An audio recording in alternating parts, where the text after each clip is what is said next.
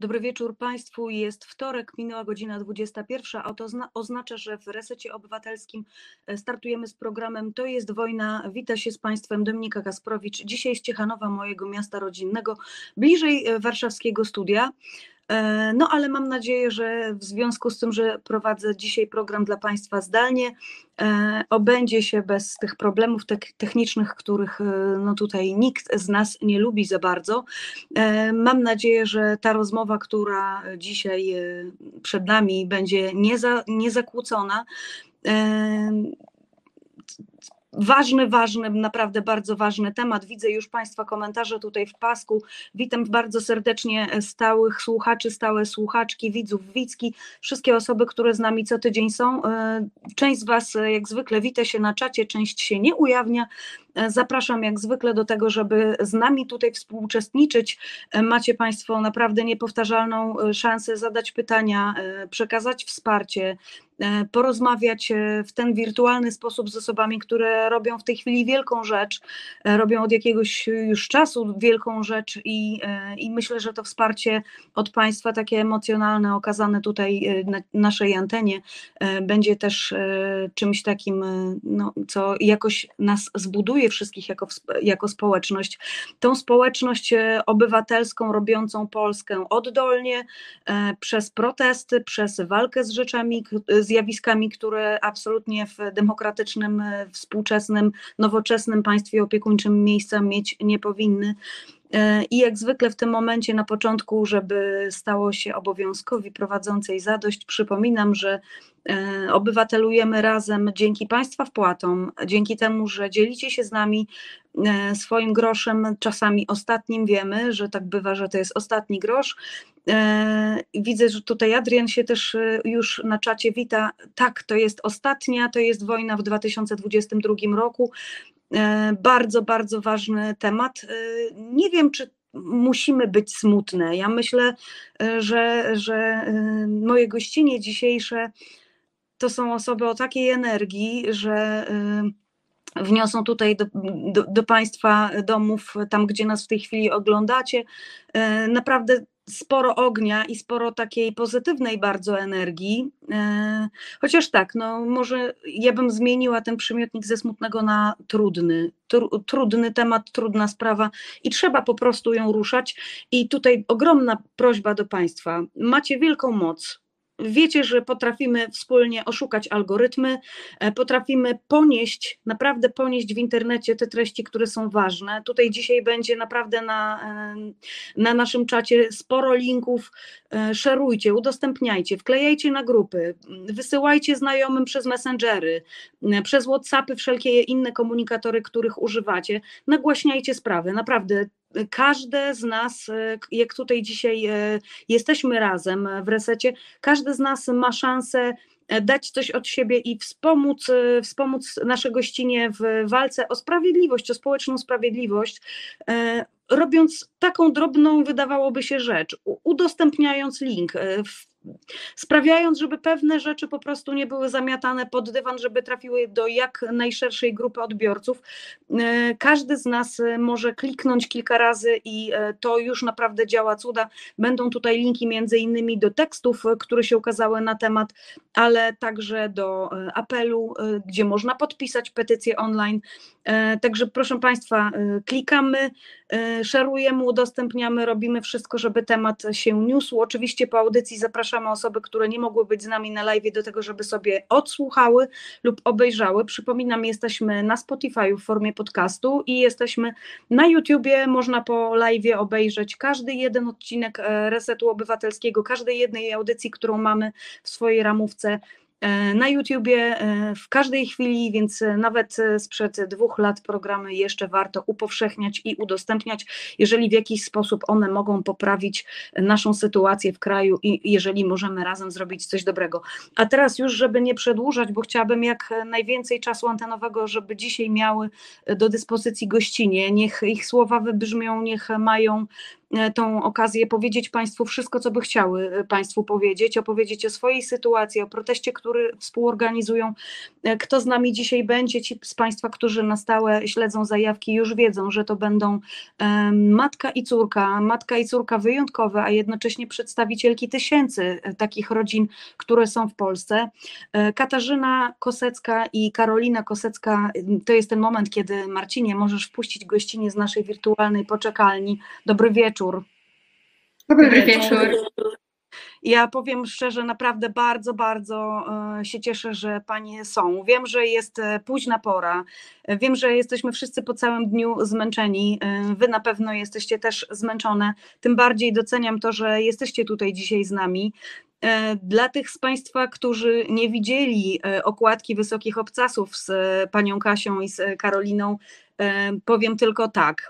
E, liderki ruchu w tej chwili już rosnącego w siłę społecznego, opiekunek opiekunów osób e, z niepełnosprawnościami, organizatorki, współorganizatorki protestów e, warszawskich pod Pałacem Prezydenckim, osoby aktywistyczne w tym momencie już, nie tylko, nie tylko rodzina walcząca o swoje prawa, osoby aktywistyczne, działaczki, i też, jak ja to tutaj lubię podkreślać w tym programie, osoby, które robią wielką zmianę w tym kraju. Jak, e, jak wy się czujecie, jak e, wiecie, że stałyście się e, no, twarzami pewnego ruchu, twarzami pewnej walki, pewnych, pewnych koncepcji? No, ja mam mówić. E, no dobrze, to powiem pierwsze w takim razie. E, ja jestem bardzo dumna ale jestem bardzo dumna z tego. Jestem dumna z nas e, dwóch razem w tym. E, nie, nie czuję jakiejś takiej, jakiegoś takiego uniesienia nad sobą samą, jako jednostką, dlatego że mam poczucie, że to jest bardzo kolektywne. Mam poczucie, że to jest bardzo ważne, że tam, że na wielu poziomach różni ludzie robią rzeczy w ramach tego naszego ruchu.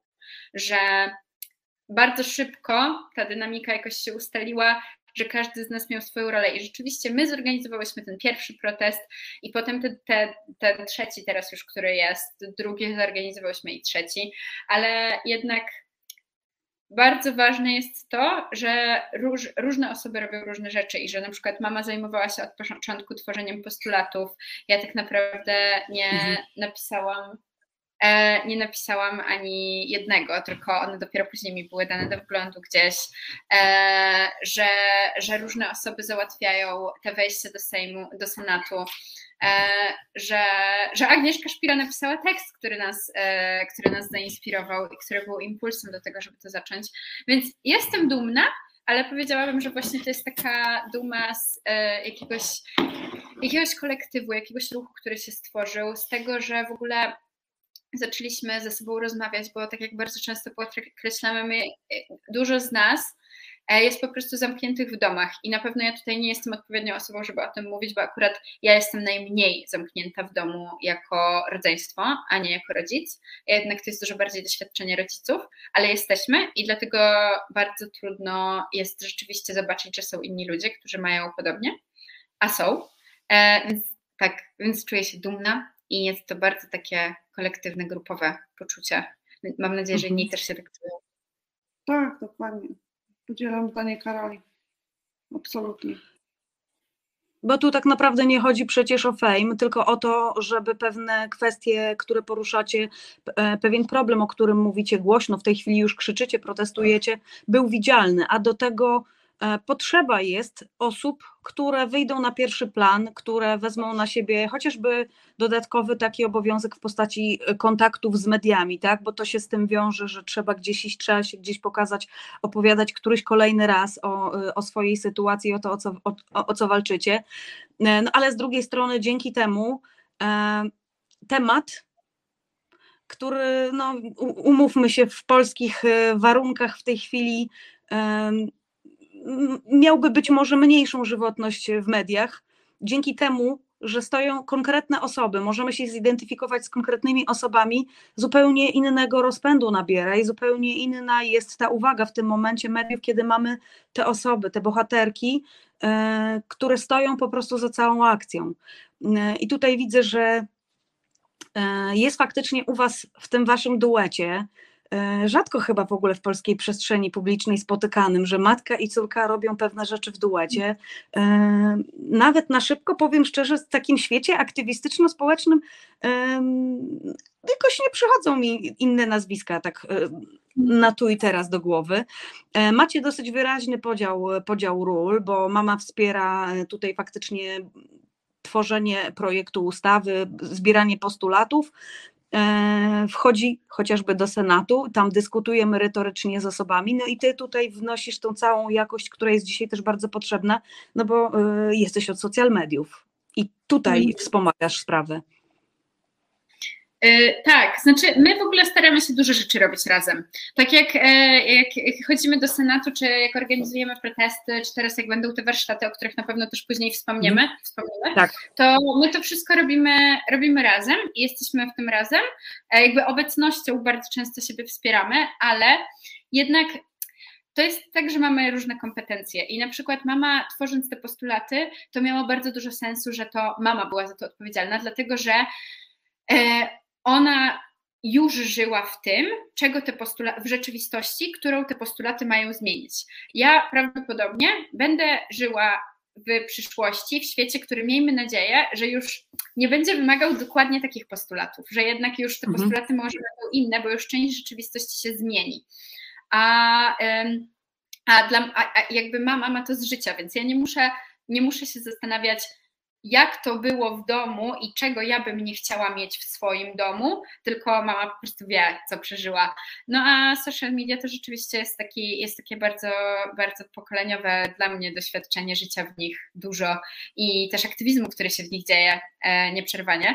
A wydaje mi się, jeszcze chciałam się odnieść do tego, co powiedziałaś o takich duetach e, matka i córka, że raczej jest ich mało w mediach. Właśnie, znaczy w aktywizmie, w mediach, w, no w ogóle w takim, w Mhm. takim, w takim przekazie podobnym do naszego, że wydaje mi się, że to jest bardzo mocno związane z tym, że po prostu każde pokolenie ma swoje sprawy do załatwienia i że tak jak moje pokolenie gdzieś bardzo jest zaangażowane w walkę klimatyczną, to już tego pokolenia moich rodziców tak bardzo nie ma, a jeżeli jest, to są to pojedyncze inicjatywy, takie jak na przykład Rodzice dla Klimatu, ale to jest taka wyspa na oceanie. E, a em, wpuścimy naszego psa do pokoju, bo płacze. E, a, e, a z kolei gdzieś moja mama i jej pokolenie ma inne zupełnie rzeczy do załatwienia i to bardzo rzadko się spotyka. Aczkolwiek, co ciekawe, nasz aktywizm spotkał się dosłownie jakiś rok wcześniej, zanim zaczęłyśmy robić protest e, osób z niepełnosprawnością i ich opiekunek, opiekunów, dlatego że mama bardzo zaangażowała się w pomoc na granicy białoruskiej. E, i ja wtedy, e, a ja już od paru ładnych lat siedziałam w takim e, aktywizmie feministycznym, ubóstwo menstruacyjne, ubóstwa menstruacyjnego i w takich tematach właśnie dookoła wspierania młodych dziewczynek i młodych osób menstruujących. E, ale jak mama zaczęła gotować zupy na granicę i w ogóle tam się udzielać, to też, e, to też połączyłyśmy siły, więc to był taki nasz debiut wspólny aktywistyczny. A no, potem się pojawiło 2119. Mama, dodaj coś, bo ja tu ci gadam. Ale tam powiedziałeś wszystko. Więcej tu chyba nie, nie, nie, ma, nie, ma, nie ma nic do dodania, no po prostu tak jest, jak, jak powiedziała Karola dokładnie. Dobra, to co odpowiesz na następne pytanie? Mhm. Cudowna jest ta interakcja wasza, naprawdę. Ja momentami zapominam, że ja prowadzę program, po prostu patrzę na was. Yy, yy, Tutaj, jak Państwo widzą, mamy atrakcje takie, yy, jest tam piesek, który się domagał, żeby go wpuścić. U mnie jest piesek i, i, i trzy kotki, które być może też się gdzieś za chwilę tutaj dostaną, bo drapią. To jest norma, nasza nowa rzeczywistość. W- takiej rzeczywistości dzisiaj tworzy się media i tworzy się, tworzy się wartościowy przekaz, więc tutaj tym absolutnie się nie przejmujcie. Jesteśmy wśród swoich. A ja jeszcze chciałam właśnie o jedną rzecz zapytać, bo to jest coś, co mnie ruszyło wyjątkowo, bo nie wiedziałam, faktycznie nie wiedziałam, e, że wcześniej też miałyście zupełnie inną rzecz e, aktywistyczną na talerzu.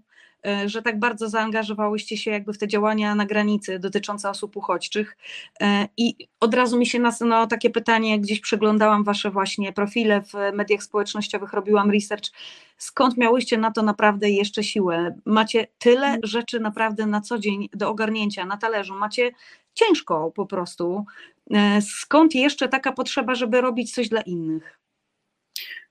To, to jeszcze dorzucę, że u nas w pierwszym tygodniu marca było chyba 17 osób z Ukrainy w domu mieszkało po prostu na, na pierwszy, no dosłownie chyba 9 marca przyjechały cztery dziewczyny, a potem one wyjechały i przyjechało 13 osób, więc mieliśmy w ogóle taki miks, bo, bo, bo były te osoby z Ukrainy, to w ogóle były też osoby nieletnie z rodzicami, ale czasami zostawały bez rodziców, więc to były dzieciaki też i po prostu my tutaj mieliśmy tak, że się zajmowaliśmy nimi i jeszcze gotowaliśmy zupę na granicę, no bo no po prostu y, jak się wie, że takie rzeczy się dzieją u nas y, w kraju, na przykład, że gdzieś ludzie w lesie zamarzają, y, no to to się bardzo łączy z tym, że są osoby niepełnosprawne, które są mm, też tak trochę zamrożone, tylko w takim sensie metaforycznym, bo po prostu nie mogą wyjść z domu z tego powodu, że ktoś tak sobie wymyślił, że, że one będą siedzieć w domu po prostu i już. No i taka, to jest, to jest jedno i to samo, tak jakby dla mnie to jest dokładnie to samo, tylko inaczej się y, jakby y, objawia takie wykluczenie. Jednych się wyklucza w lesie na Białoruś, na granicy białorusko-polskiej, a drugich się wyklucza y, po prostu zamykając ich w domu. Ja, ja zawsze mówię, że jak się ma doświadczenie w ogóle życia w takiej bliskości z jakąkolwiek mniejszością, e, w Polsce w tym przypadku, to potem mhm. po prostu ma się tak zupełnie inaczej, inną, inaczej wykształconą czułość na doświadczenia mhm. tych osób wykluczonych, e, osób z mniejszości, osób e, jakoś, które jakoś mają trudniej w tej rzeczywistości, bo po prostu to są tak jak mama powiedziała dokładnie, bardzo często analogiczne sytuacje, w których po prostu ktoś ma dominującą pozycję i z niej korzysta. E, I, e, i jakby zasłania zupełnie te inne perspektywy mniejszościowe.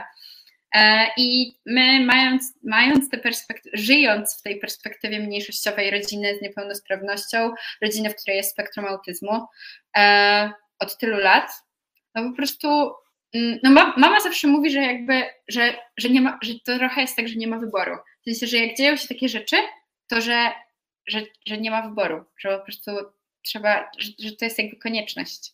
No tak, no tak, tak po prostu jest. No też moi znajomi, którzy robią to samo, nawet, nawet chyba nie określamy się, nie wiem, że jesteśmy osobami aktywistycznymi, tylko po prostu, bo to jest takie określenie, znaczy pewnie jesteśmy, tylko też z drugiej strony chodzi o to, że jakby dla mnie to jest po prostu takie normalnie no, człowiecze, że tak powiem, no ludzkie, normalne zachowanie, więc yy, jak się taka rzecz no trzeba to, to zrobić zwyczajnie. Nie to, że tam ktoś, nie wiem, jest jakimś bohaterem, czy tam, nie wiem, kimś jakimś strasznie ważnym, tylko po prostu trzeba to zrobić, bo trzeba i już.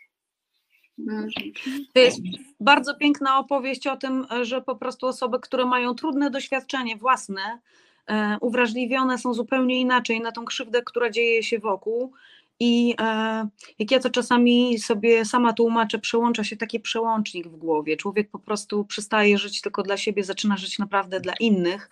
E, piękne to jest, o czym mówicie, że po prostu się nie da inaczej, trzeba coś zacząć robić. W Waszym przypadku e, też to, o czym Ty, Karolina, powiedziałaś, łączą się pokolenia, zupełnie różne tematy, które są do, do załatwienia.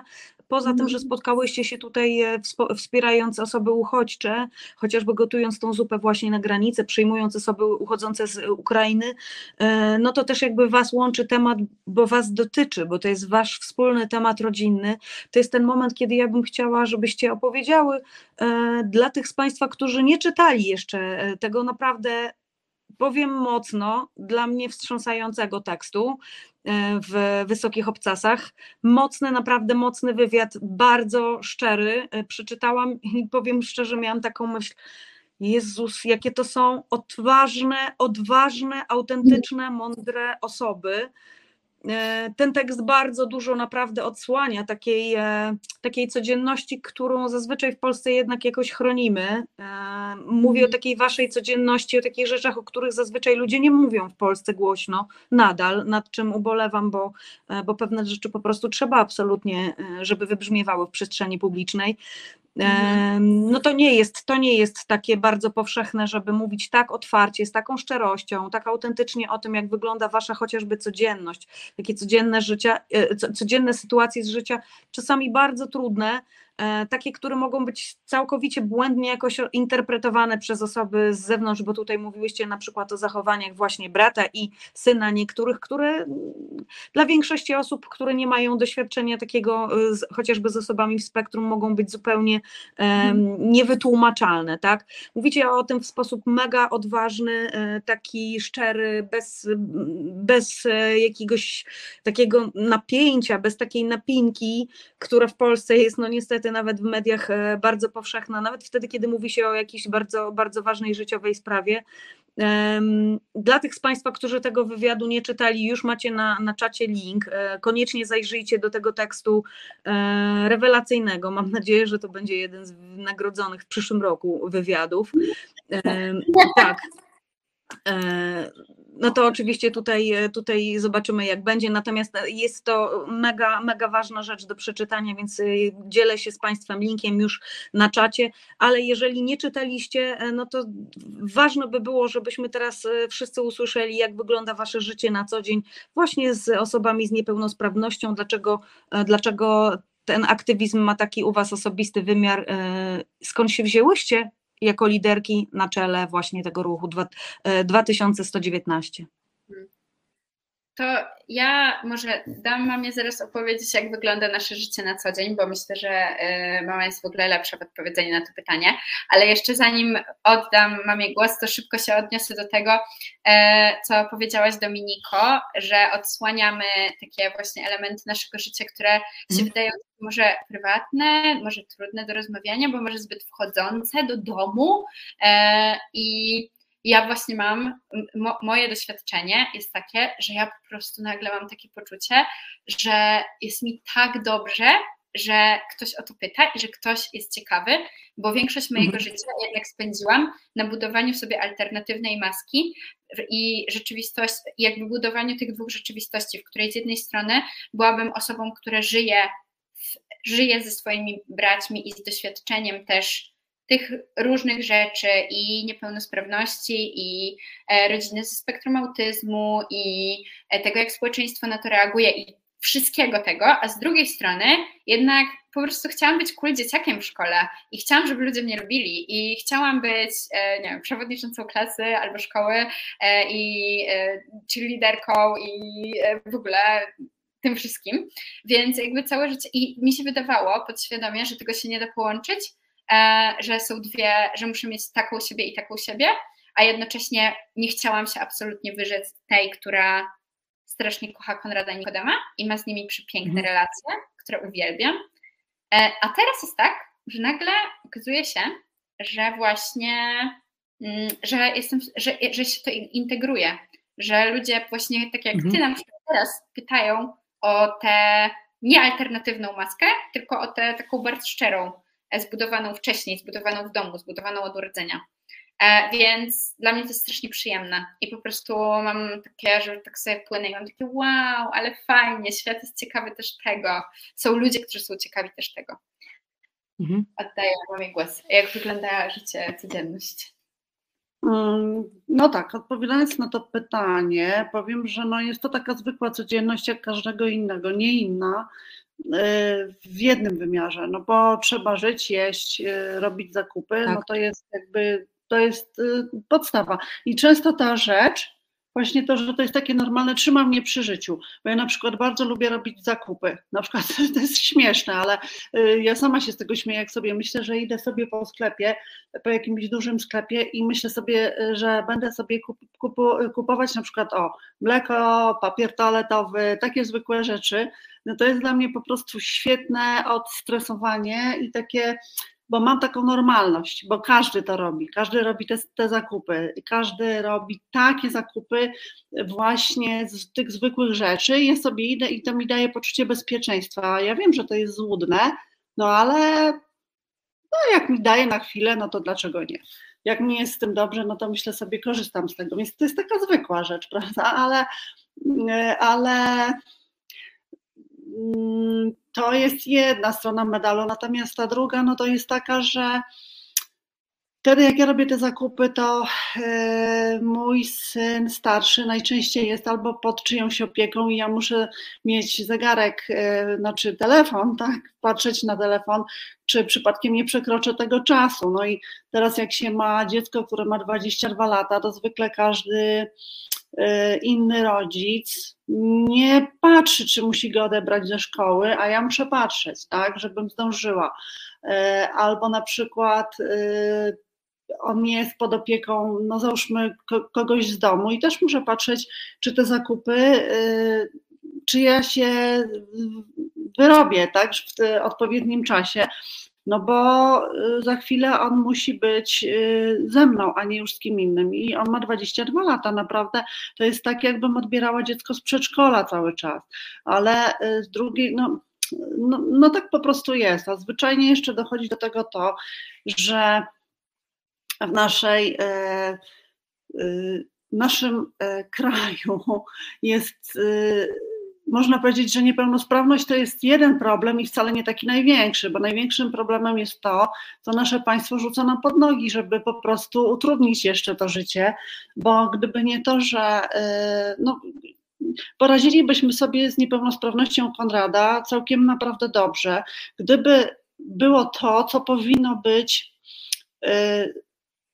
oferowane z naszych własnych podatków, tak? czyli na przykład szkoły y, dla osób z autyzmem, których po prostu nie ma, albo robią je sami rodzice, albo y, nie ma, nie ma takich szkół po prostu. Może, może w dwóch, trzech miastach w Polsce są, ale tak naprawdę, żeby do takiej szkoły człowiek się dostał, to trzeba dobrze się nastarać.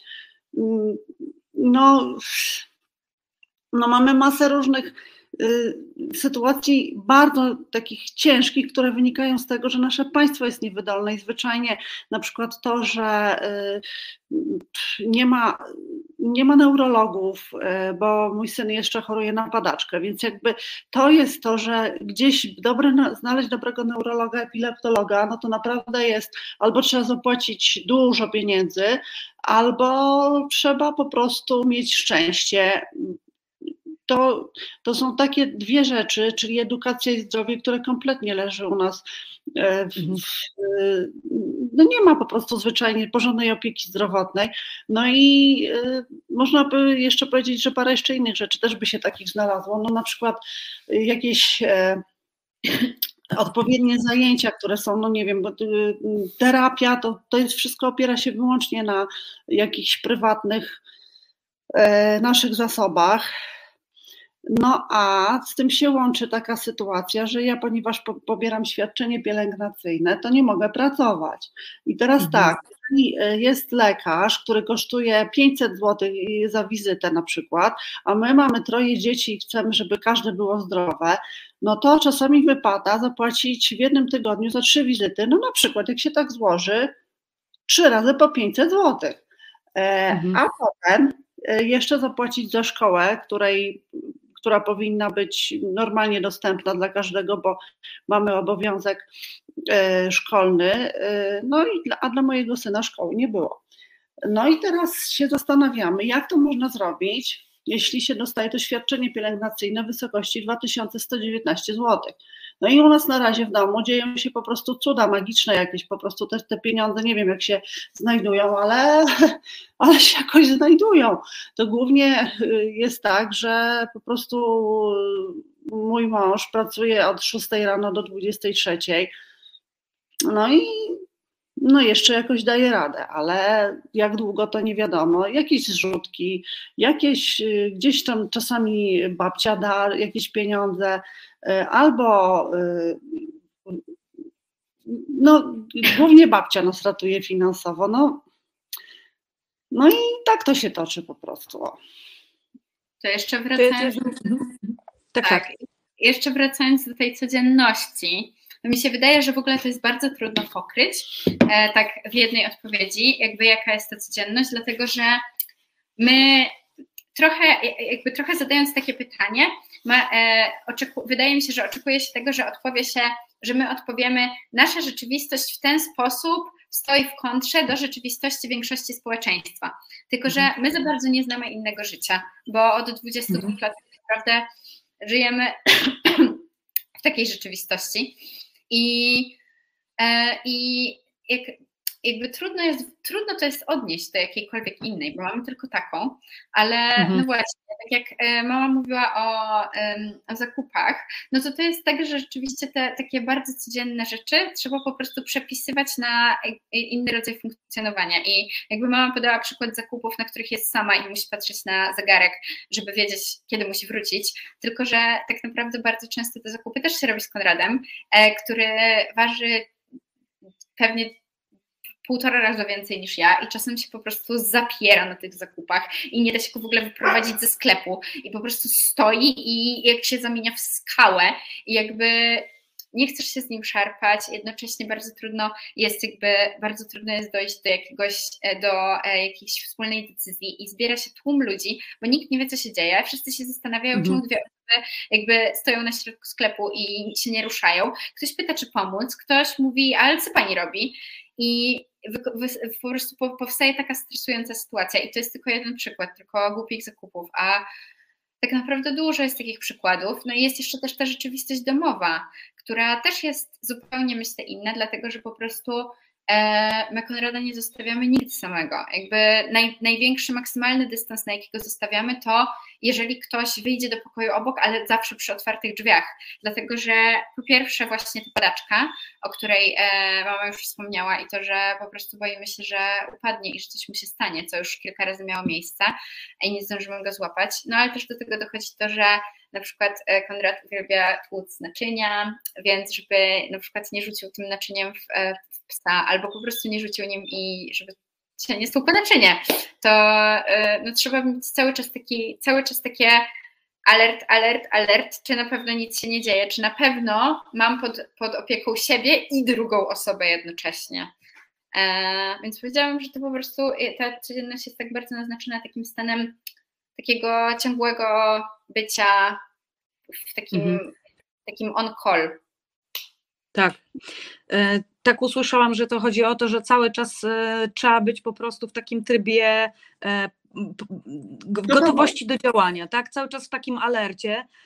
I tak, jak najbardziej ja się zgadzam z tym, co tutaj Karolina powiedziałaś, że ile rodzin, ile osób, tyle rzeczywistości. No i taka jest wasza tak sobie myślę o tej polskiej dulszczyźnie, właśnie w kontekście tego, o czym tutaj rozmawiamy, że wy tak otwarcie e, mówicie o tym, jak wygląda wasze życie domowe. Mnie to akurat e, zupełnie rozwala i urzeka, i, i wreszcie jest jakby ktoś, kto mówi, jak jest. Dla mnie to jest ważne, bo akurat e, no, wśród moich wartości tych topowych jest taka prawda, życie w prawdzie, życie w zgodzie ze sobą, w tym, żeby właśnie nie nakładać tej maski, wychodząc gdzieś tam do przestrzeni publicznej, tylko żeby móc na tyle, na ile to jest oczywiście w naszych warunkach, w naszym kraju bezpieczne, żeby móc po prostu powiedzieć, jestem taka, tak wygląda moje życie i, e, i z tym do Was wychodzę, tak? Nie będę tutaj udawać e, kogoś, kim nie, nie jestem, nie będę udawać, że moje życie wygląda jakoś inaczej niż faktycznie wygląda. E, bardzo mnie ruszyło to, co powiedziałaś o tym integrowaniu, właśnie tego, jak się chce, żeby nas ludzie postrzegali z tym, jaka jest no, ta, ta nasza realna sytuacja. E, no i tak myślę właśnie o tym, e, co powiedziałyście o chociażby takich sytuacjach w markecie. E, trochę jesteśmy takim krajem, który żadnej inności nie toleruje i ta dulszczyzna dalej po prostu króluje. Lista tematów, o których u nas się głośno nie mówi i o których najlepiej, żeby po prostu w ogóle ich nie tykać, nie ruszać, no jest dłuższa niż krótsza. E, I e, dziecko, które gdzieś tam, wiecie, dwulatek, który się na glebę rzuca w sklepie, bo ma tantrum, bo nie dostał zabawki, czy, czy właśnie, nie wiem, osoba z niepełnosprawnością, która zachowuje się nieco inaczej niż wszystkie inne w tym momencie gdzieś wokoło, no to powoduje po prostu zawsze jakieś e, zbiegowisko, zatrzymanie się ludzi, którzy nie wiedzą, jak w takiej sytuacji się zachować. Czasami chcą pomóc, ale no nie bardzo wiedzą jak i Mhm. często no nie pomagają, tylko jeszcze tutaj utrudniają e, funkcjonowanie. E, a czasami jest tak, że wcale nie chcą pomóc, tylko po prostu zaspokajają jakieś sobie swoje potrzeby, nie wiem, bycia gapiem, byciem, bycia krytykiem, bycia jakimś sędzią czyjegoś życia, zachowania.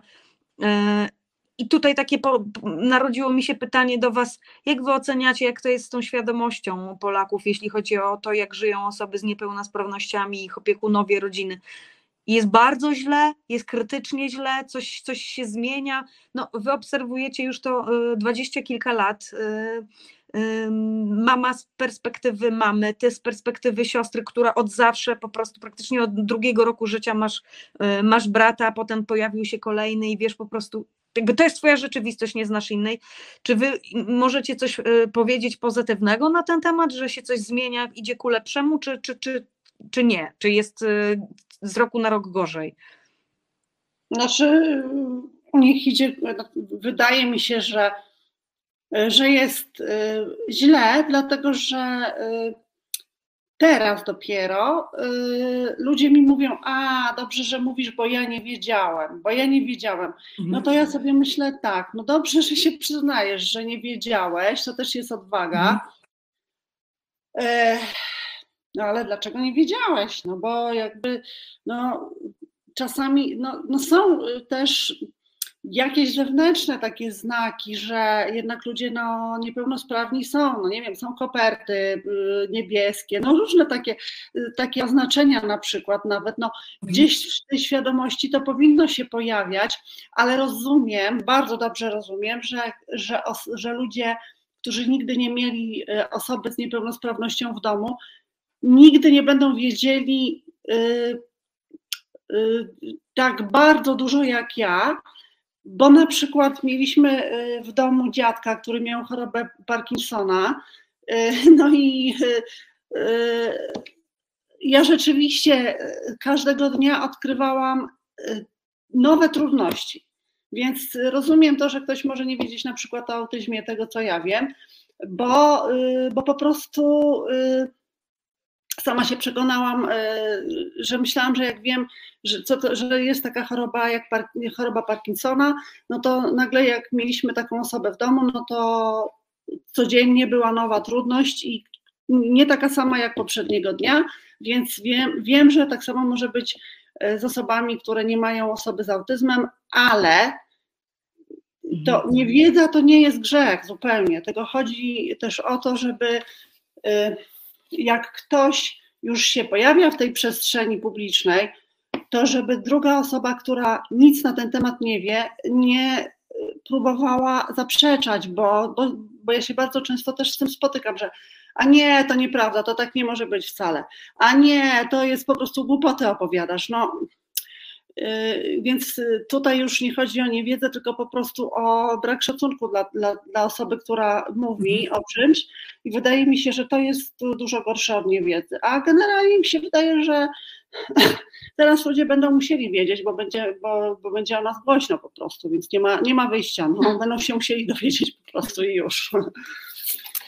Ja, ja obserwuję jakieś takie powolne przelewanie się tych, e, tych em, obrazów czy bohaterów e, osób, e, czy to w spektrum autyzmu, czy to z jakąś niepełnosprawnością, em, do, i do popkultury, i do jakiejś takiej zbiorowej świadomości.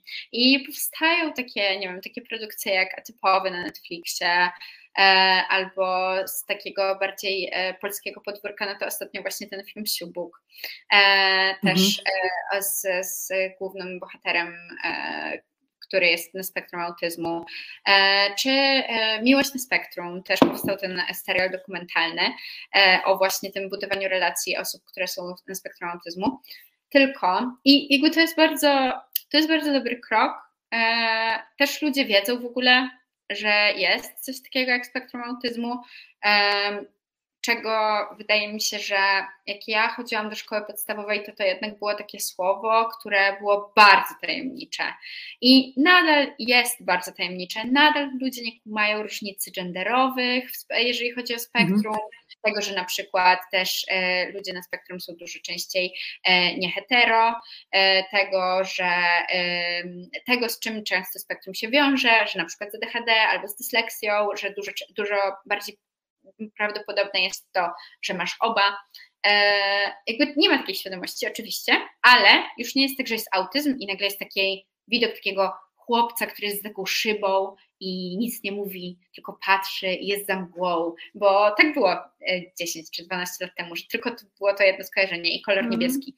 Więc coś się dzieje, ale to jest taki wierzchołek góry lodowej. Ja naprawdę, jak jak, jak myślę o tym właśnie, jak ten, znaczy to jest potrzebne, wiadomo, że nie, nie będziemy, nie zrobimy społeczeństwem takiego przeskoku, że nie będziemy wiedzieć, będziemy mm. widzieć kolor niebieski, a potem nagle będziemy wiedzieć wszystko. Oczywiście, że nie, więc to jest ważne, co się dzieje e, i bardzo wartościowe, ale myślę, że też ważna jest świadomość, że to jest wierzchołek góry lodowej i że, e, że my trochę lecimy na takie cool rzeczy jako społeczeństwo, jak na przykład to, że są geniusze pośród osób z autyzmem, albo że są osoby, które, nie wiem, pamiętają daty i mówią, och, 17 y, lipca, 71 rok, y, babcia zrobiła dżem. Jakby tak, tylko że to, to wszystko to nie jest to, co spotkasz w życiu raczej. To jest mało prawdopodobne. Raczej właśnie spotkasz, jeżeli w ogóle się spotkasz z tą osobą na spektrum, czy z tą osobą z niepełnosprawnością, to to będą dużo bardziej niekomfortowe rzeczy, to będą dużo tak. bardziej takie rzeczy, w stosunku do których jakby nie będziesz tylko mógł powiedzieć, wow, ciekawe, ale inne, tylko naprawdę jakby tutaj, nie wiem, ktoś yy, gdzieś przewróci ten stolik i yy, jakby zrozumienie i zrozumienie tego, dlaczego na przykład w tej sytuacji ktoś przewrócił stolik, też jest fascynujące też jest niesamowite, też jest zupełnie inne, ale trzeba się przebić przez niesamowitą tkankę takiego dyskomfortu, pytania, dowiadywania się samemu, e, wchodzenia w relacje z tą osobą i w ogóle podmiotowego traktowania tej osoby, a nie przedmiotowego i pytania eksperta, mhm. a czemu ta osoba coś? No i no tam mhm. jeszcze nie jesteśmy. W tym miejscu jeszcze zdecydowanie nie jesteśmy. Tak, tak. Ja myślę, że bardzo nie jesteśmy w tym miejscu, natomiast e, ważne jest też to, i, chciałabym chyba o to zaczepić, e, podmiotowe traktowanie i o to, żeby ustawiać osoby z jakimś doświadczeniem E, w centrum, w tym blasku reflektorów i to im właśnie zadawać pytania. Mnie niesamowicie wkurza, powiem wprost, e, ten wkurw mi idzie, jak o sprawach kobiet mówią mężczyźni, jak osobach, o, o, o problemach codziennego życia osób z niepełnosprawnościami mówią osoby, które są w 100% sprawne gdzieś tam w telewizji, w mediach. Jak rzecznikiem jakiejś sprawy staje się osoba, która tak naprawdę E, no nie jest związana z tą sprawą. W sojusznictwo zaczynamy się trochę uczyć, e, natomiast jeszcze nie umiemy w to sojusznictwo dobrze i w to pomaganie i często jest tak, że po prostu osoby, które chcą w jakiejś sprawie być sojusznikiem, sojuszniczką, kradną ten, e, to miejsce, kradną ten głos, zabierają przestrzeń sobie zupełnie nienależną i odwracają tak naprawdę, nie wiem, ten snop światła od tych osób, na którą on powinien być skierowany, zabierają mikrofon, zabierają, nie wiem, megafon tym osobom, które w tym momencie powinny mieć głos. E, dlatego uważam, że to jest bardzo ważne właśnie, żeby takie osoby jak wy, które mogą powiedzieć z własnego doświadczenia, jak chociażby życie takich osób, które się opiekują osobami z niepełnosprawnością wygląda, żebyście to wy właśnie o tym mówiły, a nie jakieś osoby eksperckie. Owszem, te osoby eksperckie się przydają w pewnych sytuacjach, żeby podać jakieś statystyki, tak, żeby gdzieś coś wesprzeć, wytłumaczyć coś naukowo, e, o ile oczywiście są to faktycznie specjaliści. Natomiast e, no, my w Polsce jeszcze mamy tutaj dużą lekcję do odrobienia i cieszę się, że wy jesteście, że faktycznie się zdecydowałyście na to, żeby pewnym sensie być tymi przodowniczkami, tak? E, no bo oczywiście e, walka o, o godne życie, o, o prawo do pracy, chociażby przy tym świadczeniu opiekuńczym, e, ma już twarze kilku osób w Polsce osób publicznych, ale chyba pierwszy raz jest tak, żeby właśnie gdzieś po prostu rodzina y, była pokazana na pierwszym miejscu i żeby rodzina się wypowiadała. Cieszy mnie to niesamowicie i y, oby jak najwięcej osób poszło w wasze ślady. Wiem, że macie ogromny odzew od osób, które, które w rodzinach mają osoby z niepełnosprawnością, które opiekują się osobami z niepełnosprawnością. Publikujecie na profilu na Facebooku. Już za chwileczkę podlinkujemy ten profil, bo być może nie wszyscy, y, którzy nas w tej chwili słuchają, oglądają, znają e, ten fanpage. Publikujecie tam e, naprawdę wyrywki, e, hair story, często e, historii osób opiekujących się osobami z niepełnosprawnościami. One wyrywają z butów, powiem szczerze, i naprawdę przestawiają myślenie, sprawiają, że człowiek się zatrzymuje i, i myśli o wielu przywilejach, jakie ma w swoim życiu. E, To jest też taki dowód na to, że te historie do Was spływają, że Wy gdzieś puściłyście domino po prostu w, w ruch i coś się zmienia i tego się już mam nadzieję nie da zatrzymać, nie da gdzieś tam e, zamieść pod dywan, no, w czym nasz rząd jest doskonały, w odwracaniu głowy od problemu. Mam nadzieję, że to też sprawi, że ludzie przestaną po prostu e, odwracać wzrok od rzeczy, które są trudne dla nich do przepracowania. Bo ja rozumiem, że jak ktoś nie miał doświadczenia, nie ma styczności, e, nie wie jak się zachować w jakiejś sytuacji, no to po prostu czasami właśnie zachowuje się bez szacunku, zachowuje się e, no nie tak jak należy, bo nie wie, po prostu, bo nie wie, bo, bo nikt go nigdy nie nauczył, jak należy się w takiej sytuacji zachować. To odwracanie wzroku w Polsce e, od trudnych problemów jest, e, no jest ogromnym e, jakimś takim obciążeniem naszym, nie wiem, czy to jest narodowe, czy, czy ponadnarodowe, ale jest to w Polsce niestety bardzo widoczne. No i pojawiacie się wy i to przełamujecie jako kolejne osoby, które po prostu e, jakieś społeczne tabu e, przełamują. Czujecie, że macie ludzi w Polsce, tysiące ludzi w Polsce za sobą? Ja jeszcze chciałam wejść tutaj z tym wątkiem, który Pani poruszyła, o tym, e, że mm, mm, ktoś wypowiada się za nas. E, Mhm. Mieliśmy taką sytuację ostatnio, że nas zaproszono do Sejmu i do Senatu. I właśnie e, w Senacie e, była projekcja filmu Siubuk tam, i tam były W osoby. Sejmie. W Sejmie. W Sejmie, przepraszam, w Sejmie. Bo W w Senacie- Senacie było ok, tak? Przepraszam, tutaj to powiem tak, jeszcze raz. W Senacie były konsultacje społeczne dotyczące projektu ustawy, Tak, a potem w Sejmie była projekcja filmu Siubuk. tak. I e, Mhm. chciałam się odnieść do tego, co się działo w Sejmie. E, w Sejmie była e, projekcja tego filmu i dyskusja na temat potem edukacji włączającej, gdzie wypowiadały się osoby, decydenci, czyli osoby jakby ze strony rządowej oraz byli rodzice, którzy też chcieli mieć głos w tej dyskusji, ale im nie pozwolono po prostu. I były Mhm. osoby, które przyjechały z daleka do tej Warszawy, z całej Polski, naprawdę przyjechały tam osoby z różnych miast, e, które e, jechały pociągiem, potem to było zimno wtedy, była no, koleżanka, która przyjechała z daleka, rozchorowała się po tej wycieczce. Ona nie mogła się wypowiedzieć w żaden sposób, dlatego że tam wypowiadały się osoby, które y, wiedziały lepiej, po prostu wiedziały lepiej, jak jest. y, I to były osoby, które na przykład y, są, mają stanowiska y, gdzieś na poziomie ministerstwa, powiedzmy. No i te osoby mówiły, że jest świetnie, że jest dużo lepiej niż y, y, Było. kiedyś jak było y, w czasach, kiedy jest fabuła tego filmu Siubuk. No i w ogóle rewelacja po prostu, no jaki postęp niesamowicie zrobiliśmy, E, a rodziców, którzy się chcieli wtedy wypowiedzieć, po prostu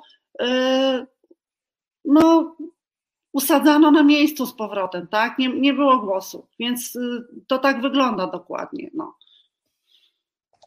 E, I teraz y, kolejne, no, chciałam, y, nie pamiętam już pytania, jakie pani zadała, bo Czy czujecie, że stoją tysiące ludzi za wami, że uruchomiłyście tą lawinę? Hmm. Takiego no, mówienia o tym, jak jest naprawdę, że ludzie się decydują na to, żeby gdzieś tam naprawdę do was napisać, żeby tą historię opisać, niech ona idzie w eter po prostu, żeby ona wybrzmiała gdzieś w mediach. No, jest y, bardzo dużo ludzi. Ja myślę, że jest, ja nie wiem ile tych ludzi do nas napisało, ale ja tego nie jestem w stanie policzyć, bo ja do tej pory od dwóch miesięcy, jak, tak jak te, y, ta akcja ruszyła, to te historie przychodzą cały czas. Nawet ostatnio przyszło Mhm. wczoraj, mama do mnie napisała. Po prostu nie wiem, kilkanaście tysięcy chyba osób napisało, po prostu nasze skrzynki były zapchane całkowicie, ja nie, nie jestem w stanie odpowiedzieć na te wiadomości, e, ale to, to pokazuje, że że po prostu jest wielka potrzeba, naprawdę to, to jest jakby otworzenie jakiejś puszki zwyczajnie, tak, która, gdzie po prostu wylewa się tak, taki straszny, taka straszna ludzka jakaś, jakaś bieda, taki ból po prostu, no, coś takiego, co y, ja tego nie ogarniam jakby emocjonalnie, y, tylko wiem, że we mnie to wzbudza y, ja, ja, mam wielką y, empatię dla tych ludzi, natomiast ja się tak denerwuję bardzo na osoby, które są y, decydentami w momencie, że Mhm. po prostu to jest niesamowite, jak można pogardzać ludźmi, jak można pogardzać swoją, e, swoim narodem. E, taką dużą częścią w sumie osób niepełnosprawnych w Polsce jest około 6 milionów. To jest naprawdę duża gromada, ale ci ludzie tak. są zamknięci w różnych tam DPS-ach. Oni są po prostu ubezwłasnowolnieni, nawet jeśli nie e, tak jakby na papierze, no to rzeczywistości tak jest. I zwyczajnie ja tego nie rozumiem, jak można naprawdę taką pogardę okazywać e, tym ludziom. No i teraz wiem, że tych ludzi jest bardzo, bardzo, bardzo dużo po prostu. Tylko, że też nie wiem, czy każdy się odważy e, no jakby zbuntować trochę, tak? Bo się ludzie Mhm. boją zwyczajnie. Mi się wydaje, ja tak przy, przytoczę z naszego życia taką historię sprzed chyba trzech lat mniej więcej, jak właśnie e, to się jakby odwrot, odwrotna sytuacja się zadziała, że to mama opisała naszą historię ze swojej perspektywy i ta historia była opublikowana w Zdążyć z pomocą, prawda? Chcemy całego życia. Chcemy całego życia to opublikować. A, Tak. dobra, to ja już pomyliłam. Ale to nawet tak, chcemy całego życia, czyli też nasze e, w ogóle kumpele, które z nami bardzo e, działają dużo i są super. E, to wtedy, wtedy chcemy całego życia opublikował właśnie mamy historię, naszą historię napisaną przez mamę. I ja, ja wtedy zobaczyłam, jak dużo to w ogóle zrobiło w naszej rodzinie, że rzeczywiście jakieś takie osoby, z którymi na co dzień w ogóle nie mamy kontaktu, się wtedy odezwały, e, że też osoby na przykład z mojego środowiska, które to przeczytały, też się, e, też się odezwały, że gdzieś w ogóle bardzo dużo takich nitek konwersacji zostało rozpoczętych, mimo tego, że to były rzeczy, które teoretycznie ludzie wiedzieli, ale dostanie takiej paczki informacji czasem jest bardzo ciężkie do uniesienia, bo gdzieś słyszysz, że coś się wydarzyło, że ktoś jest w szpitalu, ale potem jak to wszystko tak jest w takie, takie, takie kom, ko, po prostu wrzucone w jedną stronę wiadomości, to ludziom to bardziej jakoś tak e, pracuje w środku, pracuje wewnętrznie z ich myślami i z ich jakimś obrazem rzeczywistości. I naprawdę nam to zabulgotało wtedy, jakby zabulgotało w tej naszej rodzinie Koseckich. I jeżeli my jesteśmy w stanie dać taką platformę dla, nie wiem, powiedzmy kilkudziesięciu albo może kilkuset osób e, i te ich historie rzeczywiście opublikować i sprawić, żeby ten efekt tego, e, tego właśnie takiego poruszenia gdzieś w tych ich małych domach, w ich małych banieczkach się zadział, to ja jestem naprawdę bardzo usatysfakcjonowana i to już jest naprawdę bardzo dużo. I też czasami to po prostu chodzi o to, że taka, e, taki ruch jak 2119, który może nie ma jakiejś szalonej liczby obserwatorów, ale jednak ma te 4000 z hakiem, po prostu jest zainteresowany tym, żeby wrzucić Twoją historię w te swoje kolory i żeby ją puścić w świat. Naprawdę, czasem takie, takie, takie po prostu oko, które Cię zobaczy przez chwilę i spojrzy na Ciebie i poświęci 10 minut, żeby, żeby po prostu wrzucić Twoją historię w social media, jakby ja wiem, że, że to coś, że mi, mi to coś zrobiło parę lat temu e, więc wierzę, że wierzę, że osobom też może zrobić. I chyba robi, skoro się odzywają i skoro pragną podzielić się tymi swoimi opowieściami i poszerzyć trochę perspektywę widzenia osób z nie, e, perspektywę widzenia społeczeństwa na osoby z niepełnosprawnością i ich opiekunów, opiekunki. Mhm.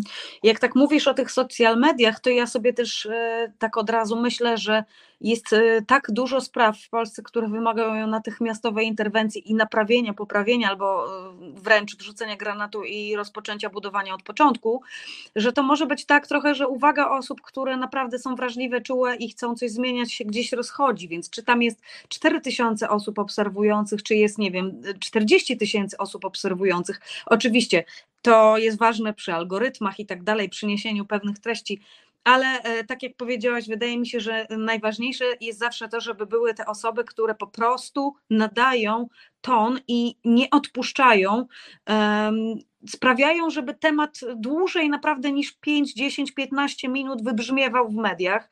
E, no niestety rzeczywistość jest taka, że nie tylko w polskich mediach, ale ogólnie w mediach e, ogólnoświatowych tematy mają życie krótkie, a tematy trudne to czasami się w ogóle nie przedostają, więc e, trzeba robić ten hałas. E, no i trzeba też sprawiać u nas, w naszej konkretnie polskiej rzeczywistości, żeby te osoby decydujące, które faktycznie tworzą prawo, które potem egzekwują to prawo, żeby je cisnąć. Ja to, co tutaj pani Kasia powiedziała, rozumiem doskonale, ten wkurw na te osoby, które po prostu mają absolutnie ludzi w głębokim poważaniu, E, to się obserwuje na wielu, wielu, naprawdę wielu różnych polach, że nasze życie wygląda jakoś, a ktoś z góry nam mówi, w dupie mamy, brzydko mówiąc, waszą rzeczywistość i brzydko mówiąc, mamy gdzieś e, to, co, e, to, co wy ma, macie tutaj nam do powiedzenia. My widzimy świat tak i my wam go urządzimy tak, jak nam się podoba. Trzeba to po mhm. prostu rozwalać.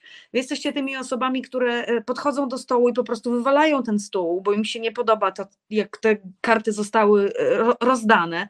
I to jest chyba jedyne, co można w tym momencie zrobić. To jest jedyny sposób po prostu zrobić wyrwę a potem cisnąć, cisnąć, cisnąć, cisnąć, no i robić tak, żeby y, za chwileczkę o naszych sprawach decydowały osoby, które mają więcej tej społecznej empatii, które mają więcej wyczucia, którym naprawdę zależy na człowieku. No ale żeby to się wydarzyło, to musimy na pewno zmienić te władze, bo jak te władze podchodzą do podstawowych praw człowieka, to, to wiemy, i e, przy proteście e, osób niepełnosprawnych w Sejmie można się było przekonać, bo przecież to akurat telewizje transmitowały i pokazywały, jak, e, jak chociażby to, że ktoś śpi, rozłożył dosłownie obóz na korytarzu sejmowym, jak to im przeszkadzało, jak one się tam zachowywały po prostu. Te interakcje ludzkie zostały nagrane, one zostaną już do końca życia będzie można pokazać, ten człowiek w takiej sytuacji zachował się tak i tak.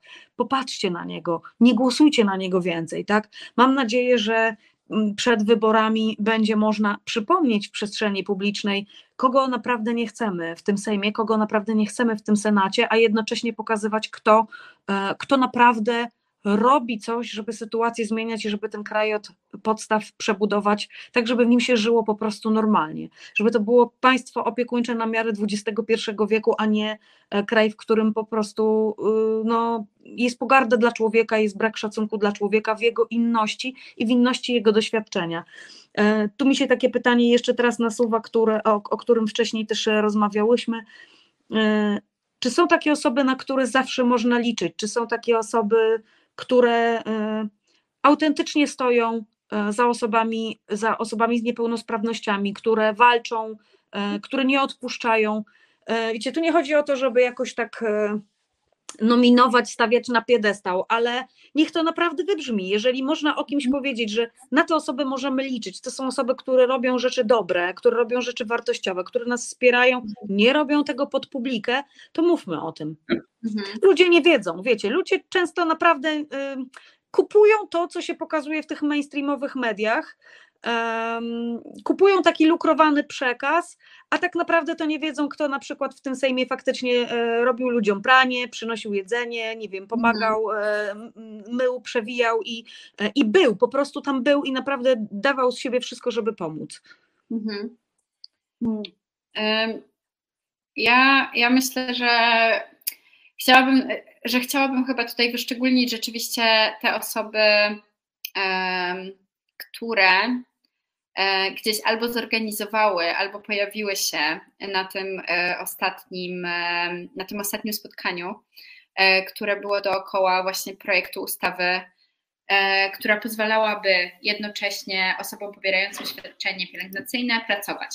I osobą, która się do nas bezpośrednio e, odezwała, była posłanka e, Marzyna Okła-Drewnowicz.